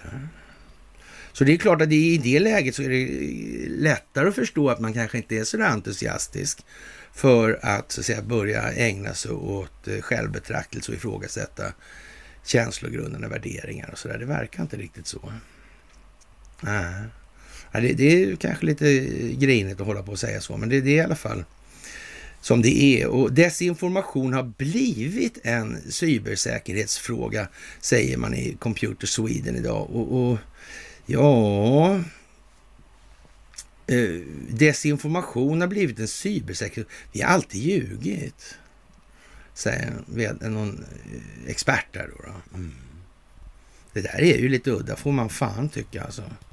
Det får man fan tycka. Ja, ja jag säger och det alltså. Och som sagt, det är lite grann som Rosenberg. Han får ihop det jävligt bra nu på det viset. Systemet fanns ju innan Donald Trump. Och, och, och, nu är det sådana oerhörda risker när han kommer in i bilden. Om vi ska ge problemställningen ett ansikte eller en figur att titta på. Helt plötsligt så är det det. Ja, det är konstigt. Den västerländska demokratin och allting. Fantastiskt måste man ju säga. Man får vara tacksam att det, ja, det tog så lång tid innan det kom en så dålig människa som visade att det här systemet verkar ju vara hur eh, lättkorrumperat som helst alltså. Ja, men annars skulle det inte vara sån risk för att det blev, skulle bli som Rosenberg beskriver. Då vore det ju ett tätt och bra system som hade ett givet definierat syfte och målsättning alltså. Mm. Funktionsmässigt.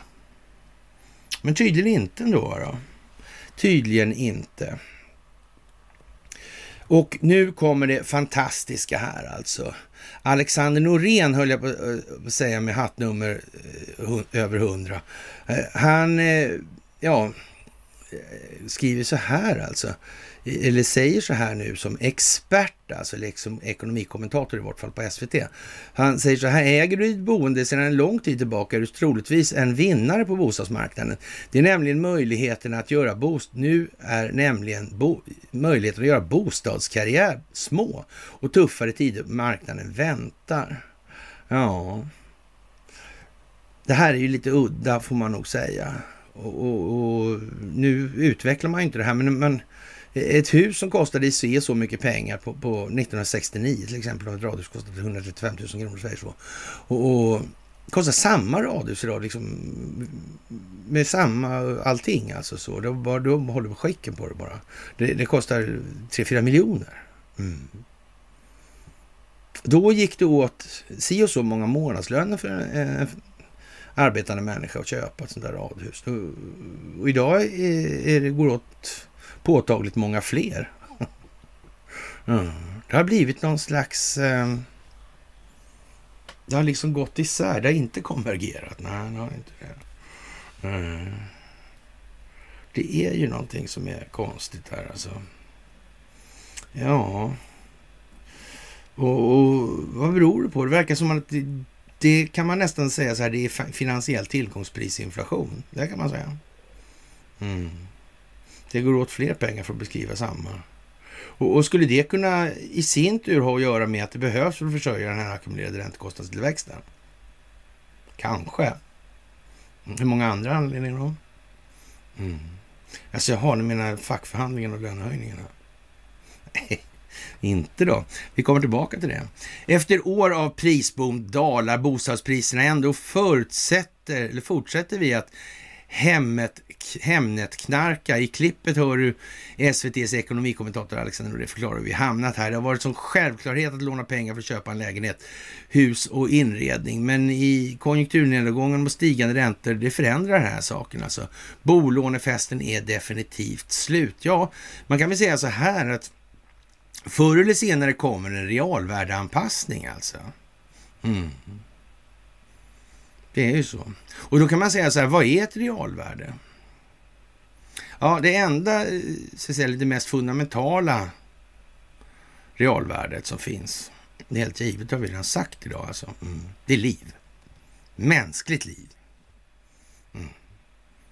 Pengar är komplett värdelösa utan mänskligt liv. Det, det, här måste man klara av att förstå. Alltså det, det här är ju inte jättesvårt, tycker jag faktiskt inte. Så, ja. Så. Om det är det mest fundamentala mm, i det här, det mest grundläggande, då så. Mm. Då vet vi ju det. Och ju längre vi ifrån vi håller oss då värderingsmässigt i det här, Mm det, det här är inte där eh, som man tycker att det borde. Det borde ju vara liksom färdigfunderat i, i ett utvecklat land som Sverige. Men det är ju inte riktigt det av någon anledning. Och den anledningen är i och för sig ganska klar. Sådär. Och det handlar om att man har opinionen med sig och så vidare. Ja, och det här... Ja, den som är satt i skuld är icke fri. Mm, kan man ju säga. Frihet är väl bara ett eh, annat namn för inget kvar att förlora. Och det sista man har att förlora, ja, det är livet. Ja, det går ihop där också. Ja, just det. Mm. Ja, ja, ja, ja, ja, ja. Mm. Om man garanterade sitt liv då, så att säga, i den ändan istället. Det är kanske är en mänsklig rättighet att ha liv. Så de eh, livsnödvändiga förutsättningarna kanske är en mänsklig rättighet. Eller kanske är mänskliga rättigheter. Eh, men så börjar det fifflas där på vägen. De här resonemangen är för komplexa, för svåra, för djupa. Måste du vara så djup? Djup? Måste du vara så där liksom? Ja, men ni hajar ju själva alltså. Jag har ingen skuld på det här ja, och vi har inga lån. Nej, okej. Okay. Men eh, när det valutafinansiella systemet nyper ihop, eller det räcker ju med att Swedbank eh, slafsar till det lite så här. Så kontosystemen, då har ni ju inga pengar och kan inte betala något heller. Vad, är, vad, liksom, vad tror du? Man ska inte ha några skulder. Ja, finns det inga skulder finns det inget betalningsmedel. Så det kan du ju sitta där med, ja, vad du nu tror du sitter med. Mm. Eller pröva att ta bort alla andra människor. Får vi se vad du, hur roligt du tycker det är. Ja. Men Man får ju säga som Adam Armfelt. Jag älskar människor. Man skulle kunna ha dem uppstoppat i långa rader. Sa man att det. Mm. Just det. Jag lyckas särskilt bra med de stora bokstäverna. Va? Eller säger de versalerna? Jag vet inte. Jag kommer inte ihåg. Och jag har ju bara sett den hundra gånger tror jag. Ja, ja. Jaha, Australien är ju ett Five Eyes-land och en gammal kronkoloni. Och, och, ja, de är då en eh, cyber attack hotbed med sitt försvarsdepartement som senaste målet alltså. Jaha, och, och, det är väl konstigt. Kan det vara så att det här underrättelsetjänstkollektivet och, och Five Eyes är någonting som snart spelar roll i de här sammanhangen? Mm. Det kan vara så. Mm. Jag vet inte, pekar inte... Jo, de, vi kommer tillbaka till den. Pekar inte Ryssland ut i England på något vis? Ja, det var väl det med Nord Stream. Och sen visade det sig att Liz Truss hade då skickat meddelanden till Lloyd Austin lite för tidigt. Och det verkar som att det kände ryssarna till då, för det var det de anförde på något vis. Alltså att det var engelsmän som låg bakom den där lilla operationen. Mm. Ja, ja, vi förlåter er aldrig, sa Margot till engelsmännen en gång efter Brexit. Och, och, man får inte alls hålla på med, med folkomröstningar om man inte är ordentligt förberedd, sa hon också. Mm. Det var den olyckligaste dagen i Jacob Wallenbergs yrkesliv. Mm. Dittills alltså. Mm. ja, ja, ja, ja, ja, ja, ja.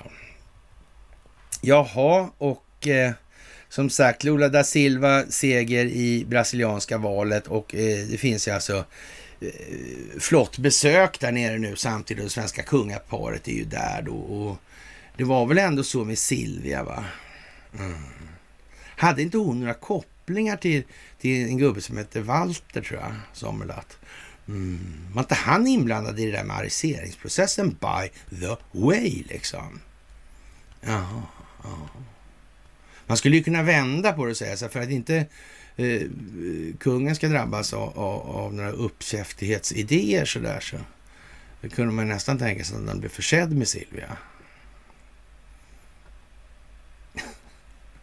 Ja, och han kunde aldrig räkna ut det, han såg det aldrig komma eller? Ja. Ja, ja, det är ju som det är med den saken och det kan vi lämna därhän. Vladimir Putin och Zelensky gratulerar i alla fall Lula till den här valsegern och, och, vi får väl se egentligen, för det här handlar ju någonstans om folkbildning. Det här handlar ju om att exponera den djupa staten och den djupa statens verksamhet. Och, och, som sagt, Brasilien är inget land som saknar inslag av Stockholmsbyråkrati och de företagsintressen. De globalistiska företagsintressen som kommer från Sverige, det kan man det är väl nästan det värsta landet faktiskt. På den, den lilla ön, helt enkelt. Ja, och eh, som sagt, det här med Washington. Svenska staten säljer ambassadörsvillan i Washington, gör de nu alltså. Aha.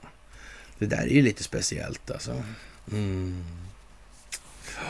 Det där är lite speciellt.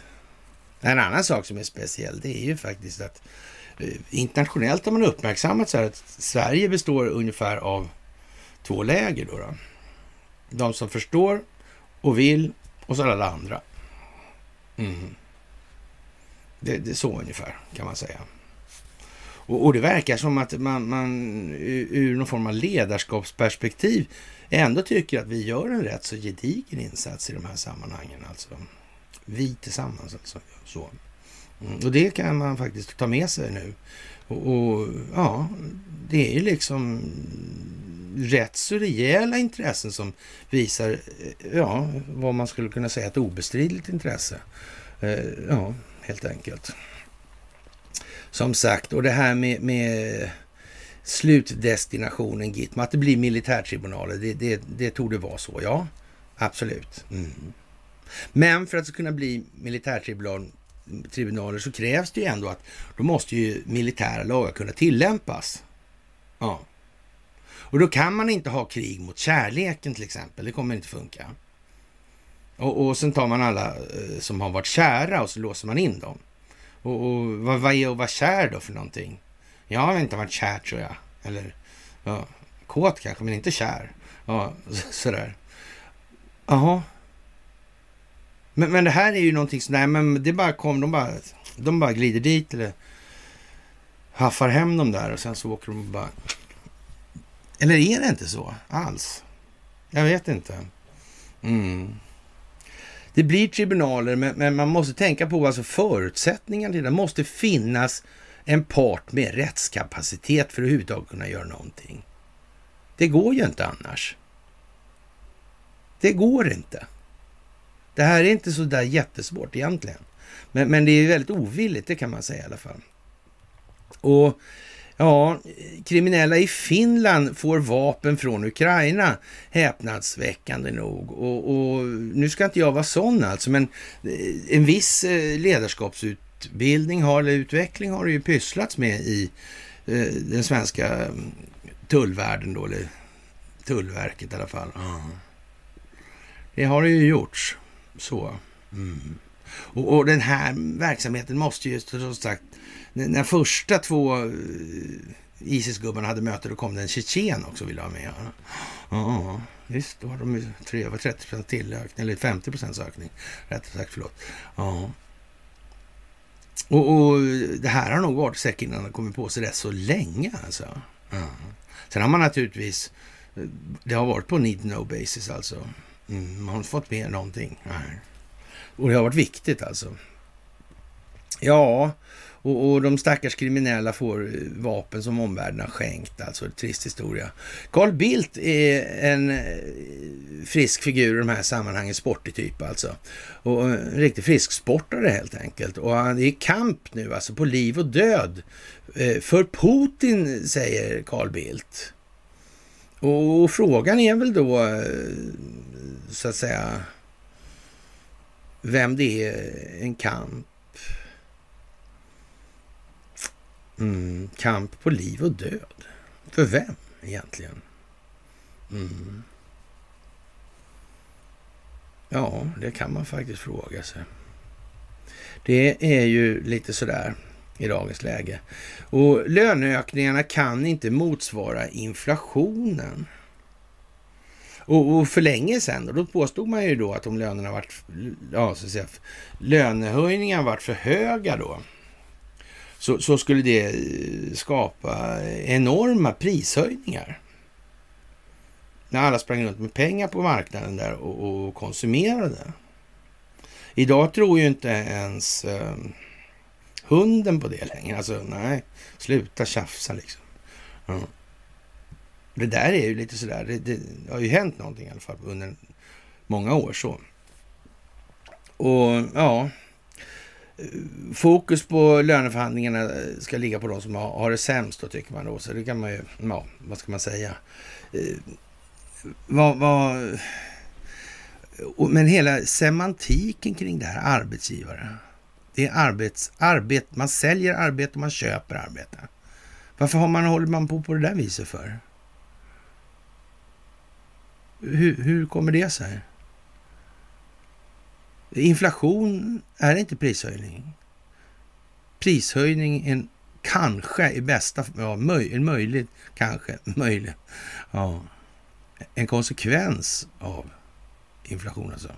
Men det är oklart hur det skulle gå till, men ändå alltså. Så det är inte ens det egentligen alltså. Mm. Sådär. Ja, i alla fall. Och det är 20 miljoner som har röstat i det amerikanska mellanårsvalet nu. Och ja, det kanske säger någonting, man vet ju inte. Och ja, nu, nu går det ju undan verkligen här och vi kommer väl eh, få se enorma grejer helt enkelt. Det kommer bli något alldeles för jävla dramatiskt. Och, och som sagt, det tog inte så många minuter för Musk att doja ut det där gänget alltså. Eh, men som sagt, att inte någon har, det har inte varit några sådana här materialrättsliga grejer med det där med eh, eh, Ericsson Tesla-bolaget där på Balkan. Ja. Annars är det ju känsligt alltså.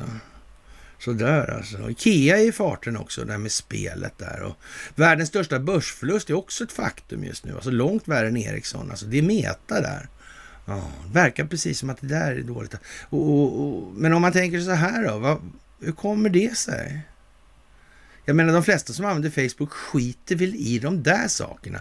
Det är ju en kommunikationsplattform. Och helst skulle man väl slippa en massa prylar i det här då som i reklamen och sånt. Alltså. Det skulle ju vara rätt så trevligt. Ja. Ja, det verkar som aktiepriser i, i ropet alltså. Ja, här har det enorma förluster, alltså den största någonsin. Mm. Mycket billigare att köpa Facebook idag än för ett par år sedan bara. Det största raset någonsin på ett bolag.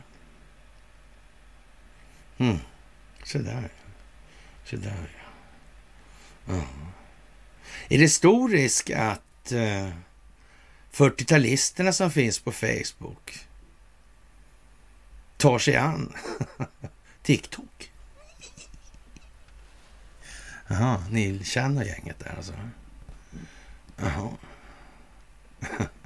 Gamla Investor-anställda, det är stor risk där. Det kanske inte är så stor risk där. Lagom level på det där alltså. Och, och sen är det det där också, det här med bildningsnivån. Det är inte jätteseriöst eller jättebra att vara helt historielös i de här sammanhangen just nu. Man måste helst minnas lite grann av vad som har varit för att kunna, så att säga, dra en linje från en punkt till vårt nu och sen extrapolera framåt i framtiden. Det är en bra grej alltså. Så, så här, möjligheterna till framsynthet alltså, de minskar med historielösheten helt enkelt. Så är det också. Det, det, får man nog också tänka på i det här läget. Alltså. Och världens största börsförlust, alltså ett faktum långt värre än Ericsson. Och, och det kan man ju eh, säga är lite sådär eh, speciellt kanske. Och, och Ericsson, ja, Ericsson var ju värt då 2000 till 1800 miljarder och två år senare hade börsvärdet bytt upp till 65 miljarder alltså. Och ja, det var ju jättemycket pengar alltså. Sådär. Och, och Cisco ja, har ju haft ett större då. Cisco fanns ju inblandat i det här med, eh, just det, det var han, ja, katoliken där ja. ja. Det var ju en, en vändning senare va, om jag inte missminner mig helt. ja, ja, men i alla fall då. Och, och Cisco tappade i början av 20-talet då Eh, 2000-talet då 4 250 miljarder kronor i börsvärde. Det var ett rekord som stod sig i 20 år och överlevde exempelvis konkurserna från Enron, Worldcom och Lehman. Och eh, nu är Ciscos föga smickrande rekord borta helt enkelt med vinden och besked. Internetjätten Metaplattforms moderbolag till Facebook har på ett år tappat 75 procent av värdet. Det innebär att 7100 miljarder kronor gått förlorade från toppnoteringen 2021 alltså. Eh, ja, det där är ju liksom lite speciellt alltså. Nu blir det lite billigare alltså. Mm. Förvärvsbolag anyone. Nej, nej, det var, hade ingenting med det att göra. Nej, nej nej, men då vet ju vi det alltså sådär. Och det är lite trevligt att kunna konstatera. Eh, ja, Sabina har skrivit en lång eh, drapa om pedofiler och det här med sexuella revolutionen och hur man har försökt eh, få ner folk på mer primitiv nivå genom eh, social ingenjörskonst alltså. Mm. Alltså andra hållet i förhållande till att gå från att vara Eh, ja, en given nivå på filosofisk materialism till att bli mer ja, intellektuellt emotionellt alltså. Förståelsemässigt i förhållande till känslorna alltså. Ja, att mer inriktat åt det hållet, alltså bättre självförståelse kan man säga också då. Förenklat då, för att göra det mer tydligt kanske. Ja, det är ju åt ett håll där, men här försöker man då istället genom den här sociala ingenjörskonsten som Sabina beskriver här i den här långa eh, ja, välfylld artikel alltså. Så, ja, där försöker man alltså dra det här åt andra hållet. Där ska vi ner på apstadiet lite mer istället. Mm. På så sätt. Och det kan man ju tycka, vad är det för jävla eh, svinerier och, och, och sånt där med sexualundervisning och så vidare. Vad har det här gått ut på egentligen? Naturligtvis allas bästa och det här gamla vanliga, men det verkar ju eh, hart när omöjligt att hitta eh, någonting som inte är uttryckt som att ska verka för allas bästa, men som ändå eh, ja, inte lätt. Man, alltså, man hittar ingenting som faktiskt är så, utan allting är hela tiden tvärtom emot vad det anförts, alltså på något konstigt sätt. Alltså. Det är liksom satt i system på något vis. Och det där kan man ju uppleva lite frustrerande kan jag tycka emellan faktiskt. Sådär. Och när Israels försvarsminister, Israel är det där landet alltså som, eh, ja, vad ska vi säga, eh, kommer att vidkännas vissa förändringar helt enkelt. Mm. Mm. Men eh, samtidigt en viss medvetenhet på viss nivå i alla fall. Mm. Där har aldrig varit någon demokrati, inte ens i närheten. Nej, konstigt säger Benjamin Netanyahu. Det här har alltid den djupa staten bestämt. Men det var väl en konstig sak att säga. Han menar att den finns. Jaha, jag vet inte. Men det, det kanske är så då om han säger det faktiskt. Och det skulle man kunna säga. Mm. Det är, ja ja, som sagt, det finns alltid folk som tycker eh, en massa saker i de här. Och man måste, måste, måste försöka förstå att härska genom söndringar alltid existerat. Och det är ju liksom ett modus operandi som är, ja, det är ett standardförfarande alltså. Så. Och hålla på och tjattra om Hamas som fortfarande knappt har kommit på att det här med indirekt eld, det kanske man inte ska göra på det sättet vi har gjort alltså. Äh. De, de, ingen har tidningar, de kan inte titta på vad som händer i omvärlden. Nej, det hade varit jättebra att ha sådana här kalibermissiler och sånt system till exempel. Då kan man stå 150 mil bort. Jaha, och skjuta prick på en meter. Tänk att, ingen, att de har aldrig kommit på något sånt där, Hamas alltså, de här. De har inte ens kommit på det med granatkastare. De har hemmagjorda fyrverkerigranat eller raketer som de skjuter istället. Ja. ja, det där är ju lite udda. Det får jag faktiskt säga att jag tycker att det... Ja. Och det här med eh, Nancy Pansy liksom och hennes snubbe Paul Pelosi där. Och det verkar ju som att han har haft liksom eh, amorö amorösa böjelser som inte alltid inkluderade Nancy Pansy liksom. Nej. Det verkar ju vara lite udda, men de hade ju bra business ihop alltså. Ja. Ja, ja, ja. Men det verkar vara lite mycket filosofisk materialism. Alltså, så det var själva eh, ja, den känslomässiga långsiktigheten verkar inte ha satts i förarsätet. Alltså. Mm. Nej, det verkar vara lite grann den Rosebergska ordningen på det där, så att säga. Det går åt helvete alltså. Och ja, jag vet inte. Paul Pelosi där, han, ja, Han verkar ha lite speciellt alltså. Förhållande till ja, sin fru och eh, sanningen kanske och till en hel del annat också då. Som det verkar. Han är, verkar inte buskablyg när det gäller aktieaffärerna som han har insyn i, om jag säger så, genom frun. Alltså. Men, men det är ju, så är det ju inte, för det har ju Nancy sagt att det är inte så. Ja, då så. Det är aktierna som säger att det är så, men det, och köpen och förvärven säger att det är så. Men, men det är inte så ändå. Alltså.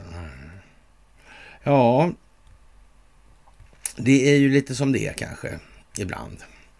Jaha, och eh, dyrare mat kan vänta efter att Ryssland lämnar spannmålsavtalet och då blir det liksom automatiskt eh, Eh, på något vis så att eh, ja, svaret på hur marknaden reagerar på att Ryssland drar sig ur avtalet som ska säkra spannmålsexporten från, exporten från Ukraina kommer att synas på måndagen idag alltså. Och eh, matprishöjningarna blir alltså Vladimir Putins fel då, enligt gängse praxis.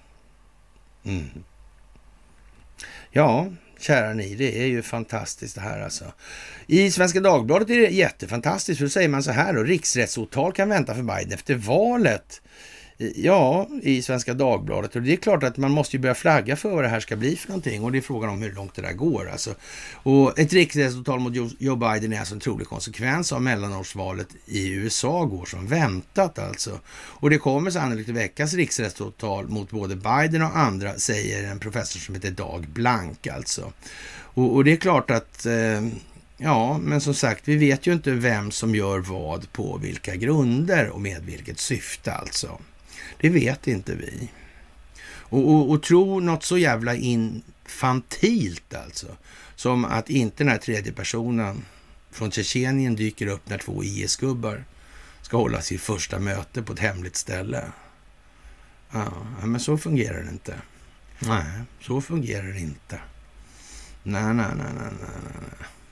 Så vem som har infiltrerat vad i vilken omfattning, det har vi ingen aning om av fullkomligt naturliga skäl att vi inte ska ha det, för då hade det inte fungerat alls. Nej, så är det ju. Det ligger liksom i sakens egen natur att det är på det viset. Och det måste vara så. Ja, och har man inte ens begripit det, då tycker jag att man ska vara något mer återhållsam i sin utsaga när det gäller, så att säga, ja, så här är det. Alltså, man får tänka på metoderna också i det här. Hur går det till egentligen och varför? Vad är rimligt och vad är orimligt? Det här med, med att tro liksom att eh, det mest svenska, alltså det korta, raka, enkla, är det som mest kännetecknar den bästa strategiska planeringen.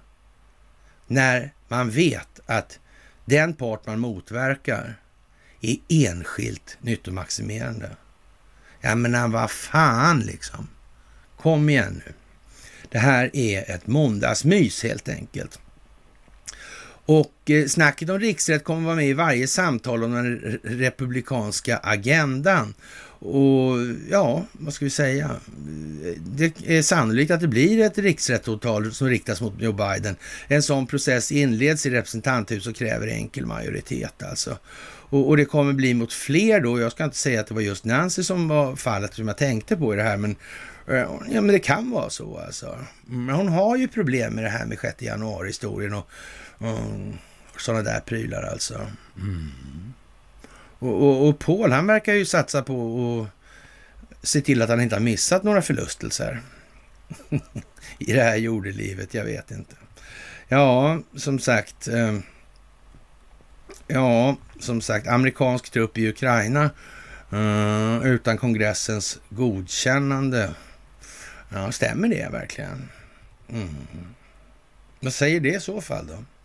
Om det är så. Mm. Behöver det nödvändigtvis vara så att Joe Biden eller kongressen bestämmer det?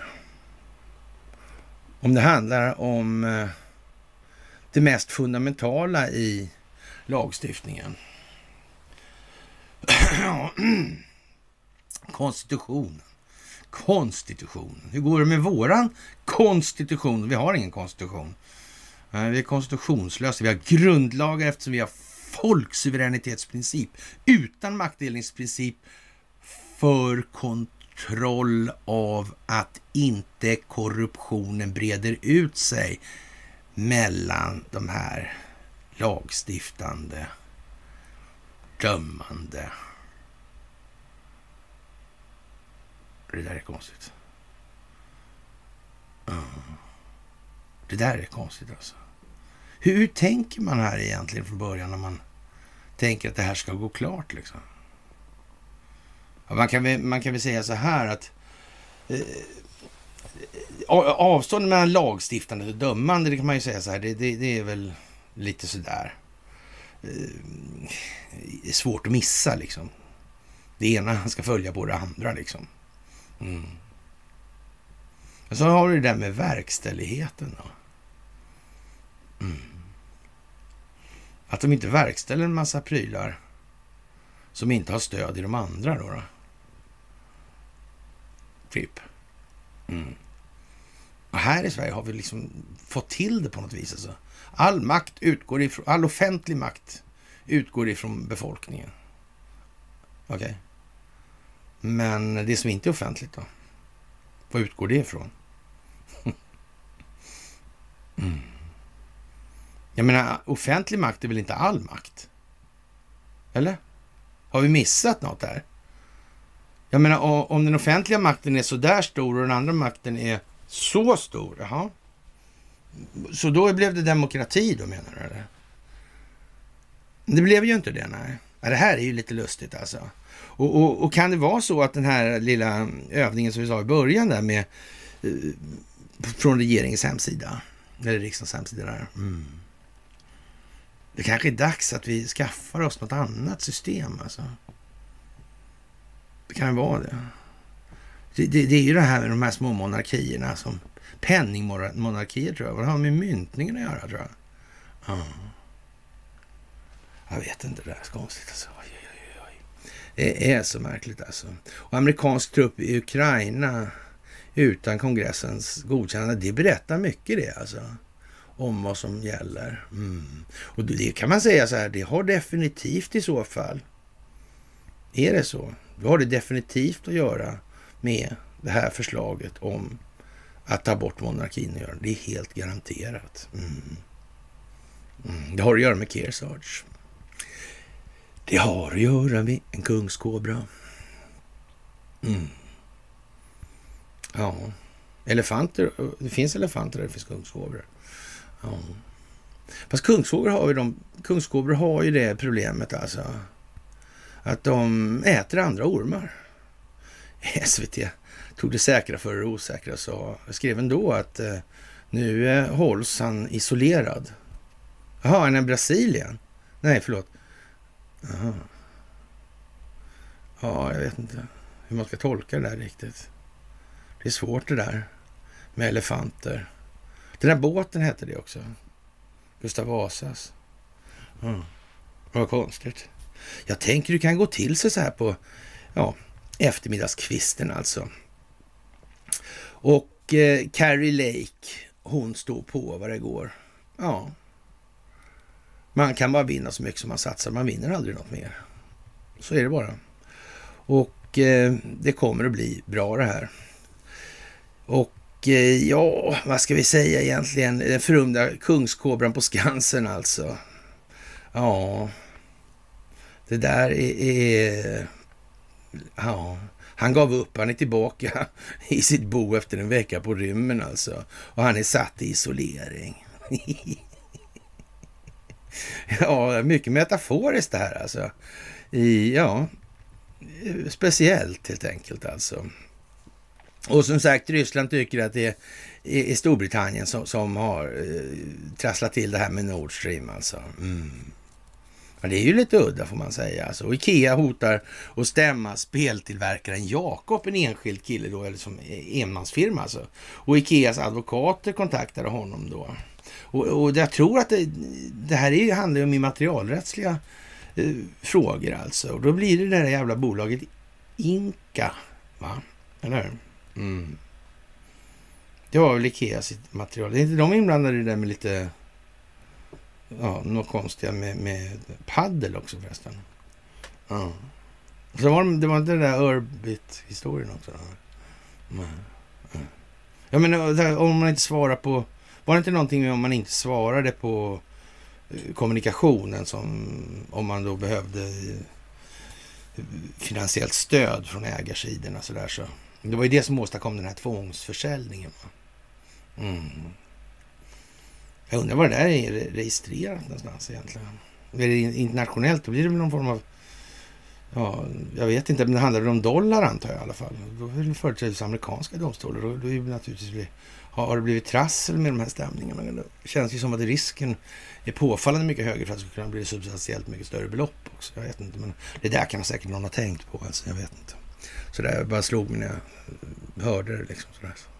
Ja, kära ni, det är fantastiskt alltså. Och kemiska stridsmedel vid Nord Stream, alltså det ligger alltså 30 000 ton senapsgas och miljörörelsen. Ja, ett klädsamt silensium då eller? Nej, kanske inte. Nej, det var inte så klädsamt. Det var ganska dumt. Någonting borde de ha sagt. Och, och i DN så börjar man skrodera om att ingen tog fascismen på allvar innan det var för sent. Och jag vet inte, men jag tror de hade telefoner. Det var någonting om hundraårsjubileet som man försökte flytta fram på någon sida. Men på hovets sida så tror jag det stod fortfarande samma datum, fast man hade på någon Ericsson-sida där eller motsvarande kanske då förändrat den där. Man var, för jubileumet hade man ju haft och året var inblandat så det var inte så mycket att snacka om. Liksom. Men eh, det var så här jätteupp uppenbar konstighet alltså. Ja, som sagt, och det här, vem var det egentligen som låg bakom det där? Ja, han, hette inte han Volpi eh, di Moserata eller sådär va? Mm. Han var bankir tror jag. Va? Mm. Och Moserata var i Libyen, var det var Muammar Gaddafi dog där va också. Det var liksom historiens vingslag liksom, lite sådär eller? Ja, men lite så tycker jag nog. Ja, kära ni, vi har väl tagit oss en bit i alla fall. Och ja, vad ska vi säga? Det här med PM Nilsson till exempel, så det är många av mina gamla favoriter. De gör ju en blixtkarriär nu på slutet av det här systemet med viss följdriktighet. Så eh, måste det naturligtvis vara. Va? Och, och en annan sån här superstjärna, det är Corner som jag har eh, många gånger tyckt är briljant. Alltså. Han, han vill inte kännas vid det här med vad bankerna har för roll i skapandet av betalningsmedlet. Liksom. Det är jag säker på att han håller fast vid fortfarande. Men nej, frågan är då liksom när DN håller på och gör sådana här flersidiga annonser om honom, eller säga, men, ja, artiklar i alla fall då, så, så är det ju konstigt då liksom att han, ja, när han, han skriver på sin blogg så här då, då att Eh, Ryssland tog under gårdagen de största ryska förlusterna någonsin under en dag. Under natten och morgonen till igår genomfördes även ett lyckat anfall mot den ryska örlogsbasen Sevastopol på ockuperade Krim. Med en kombination av patrullrobotar och patrullbrännare. Ja, eh, men detaljer om omfattningen av de ryska förlusterna saknas. Ja, det känns lite grann som att... Eh, ja. Som sagt, det, är svårt att säga på vilka grunder han gör vad han gör egentligen. Sådär. Det får man väl säga. Och, och när, när, eh, de här mystiska dödsfallen i, i, rika ryssar faller ut genom fönster och ner från trappor och är Bill Browder naturligtvis han som anmälde Swedbank i det här. Då är han i farten och pratar och, och jag vet inte. Ja. Mm.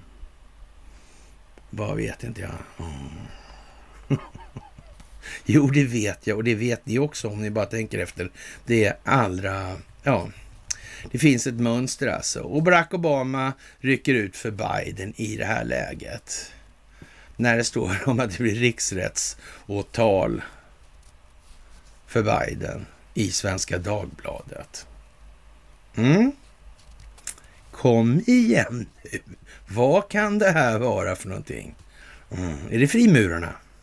Eller är det jordens genom tiderna största folkbildningsprojekt baserat på en amerikansk stingoperation? Mm. Jag vet inte. Eller också gör jag det. Och nu vet inte jag om jag har mättat sönder ja, den receptiva förmågan i det här eh, fallet. För, för nu är vi ju liksom ja, fantastiskt att göra det här tillsammans med er. Ni är jordens bästa internetpublik. Och eh, ja, det här går fantastiskt bra. Det är extremt noga planlagt och eh, vi fyller vår roll i det här spelet. Så är det bara. Och ni ska ha det största av tack för gåvor på Swish och Patreon. Fördjupningar på karlnorberg.se. Och som sagt, eh, haka på telegramtjänsten. Vi ser vad det landar i, som man så vackert säger. Men det är det som är så att säga spelordningen i det här. Så. Och med det så vill jag önska er en trevlig måndagkväll så hörs vi absolut senast på onsdag. Okej, trevlig kväll.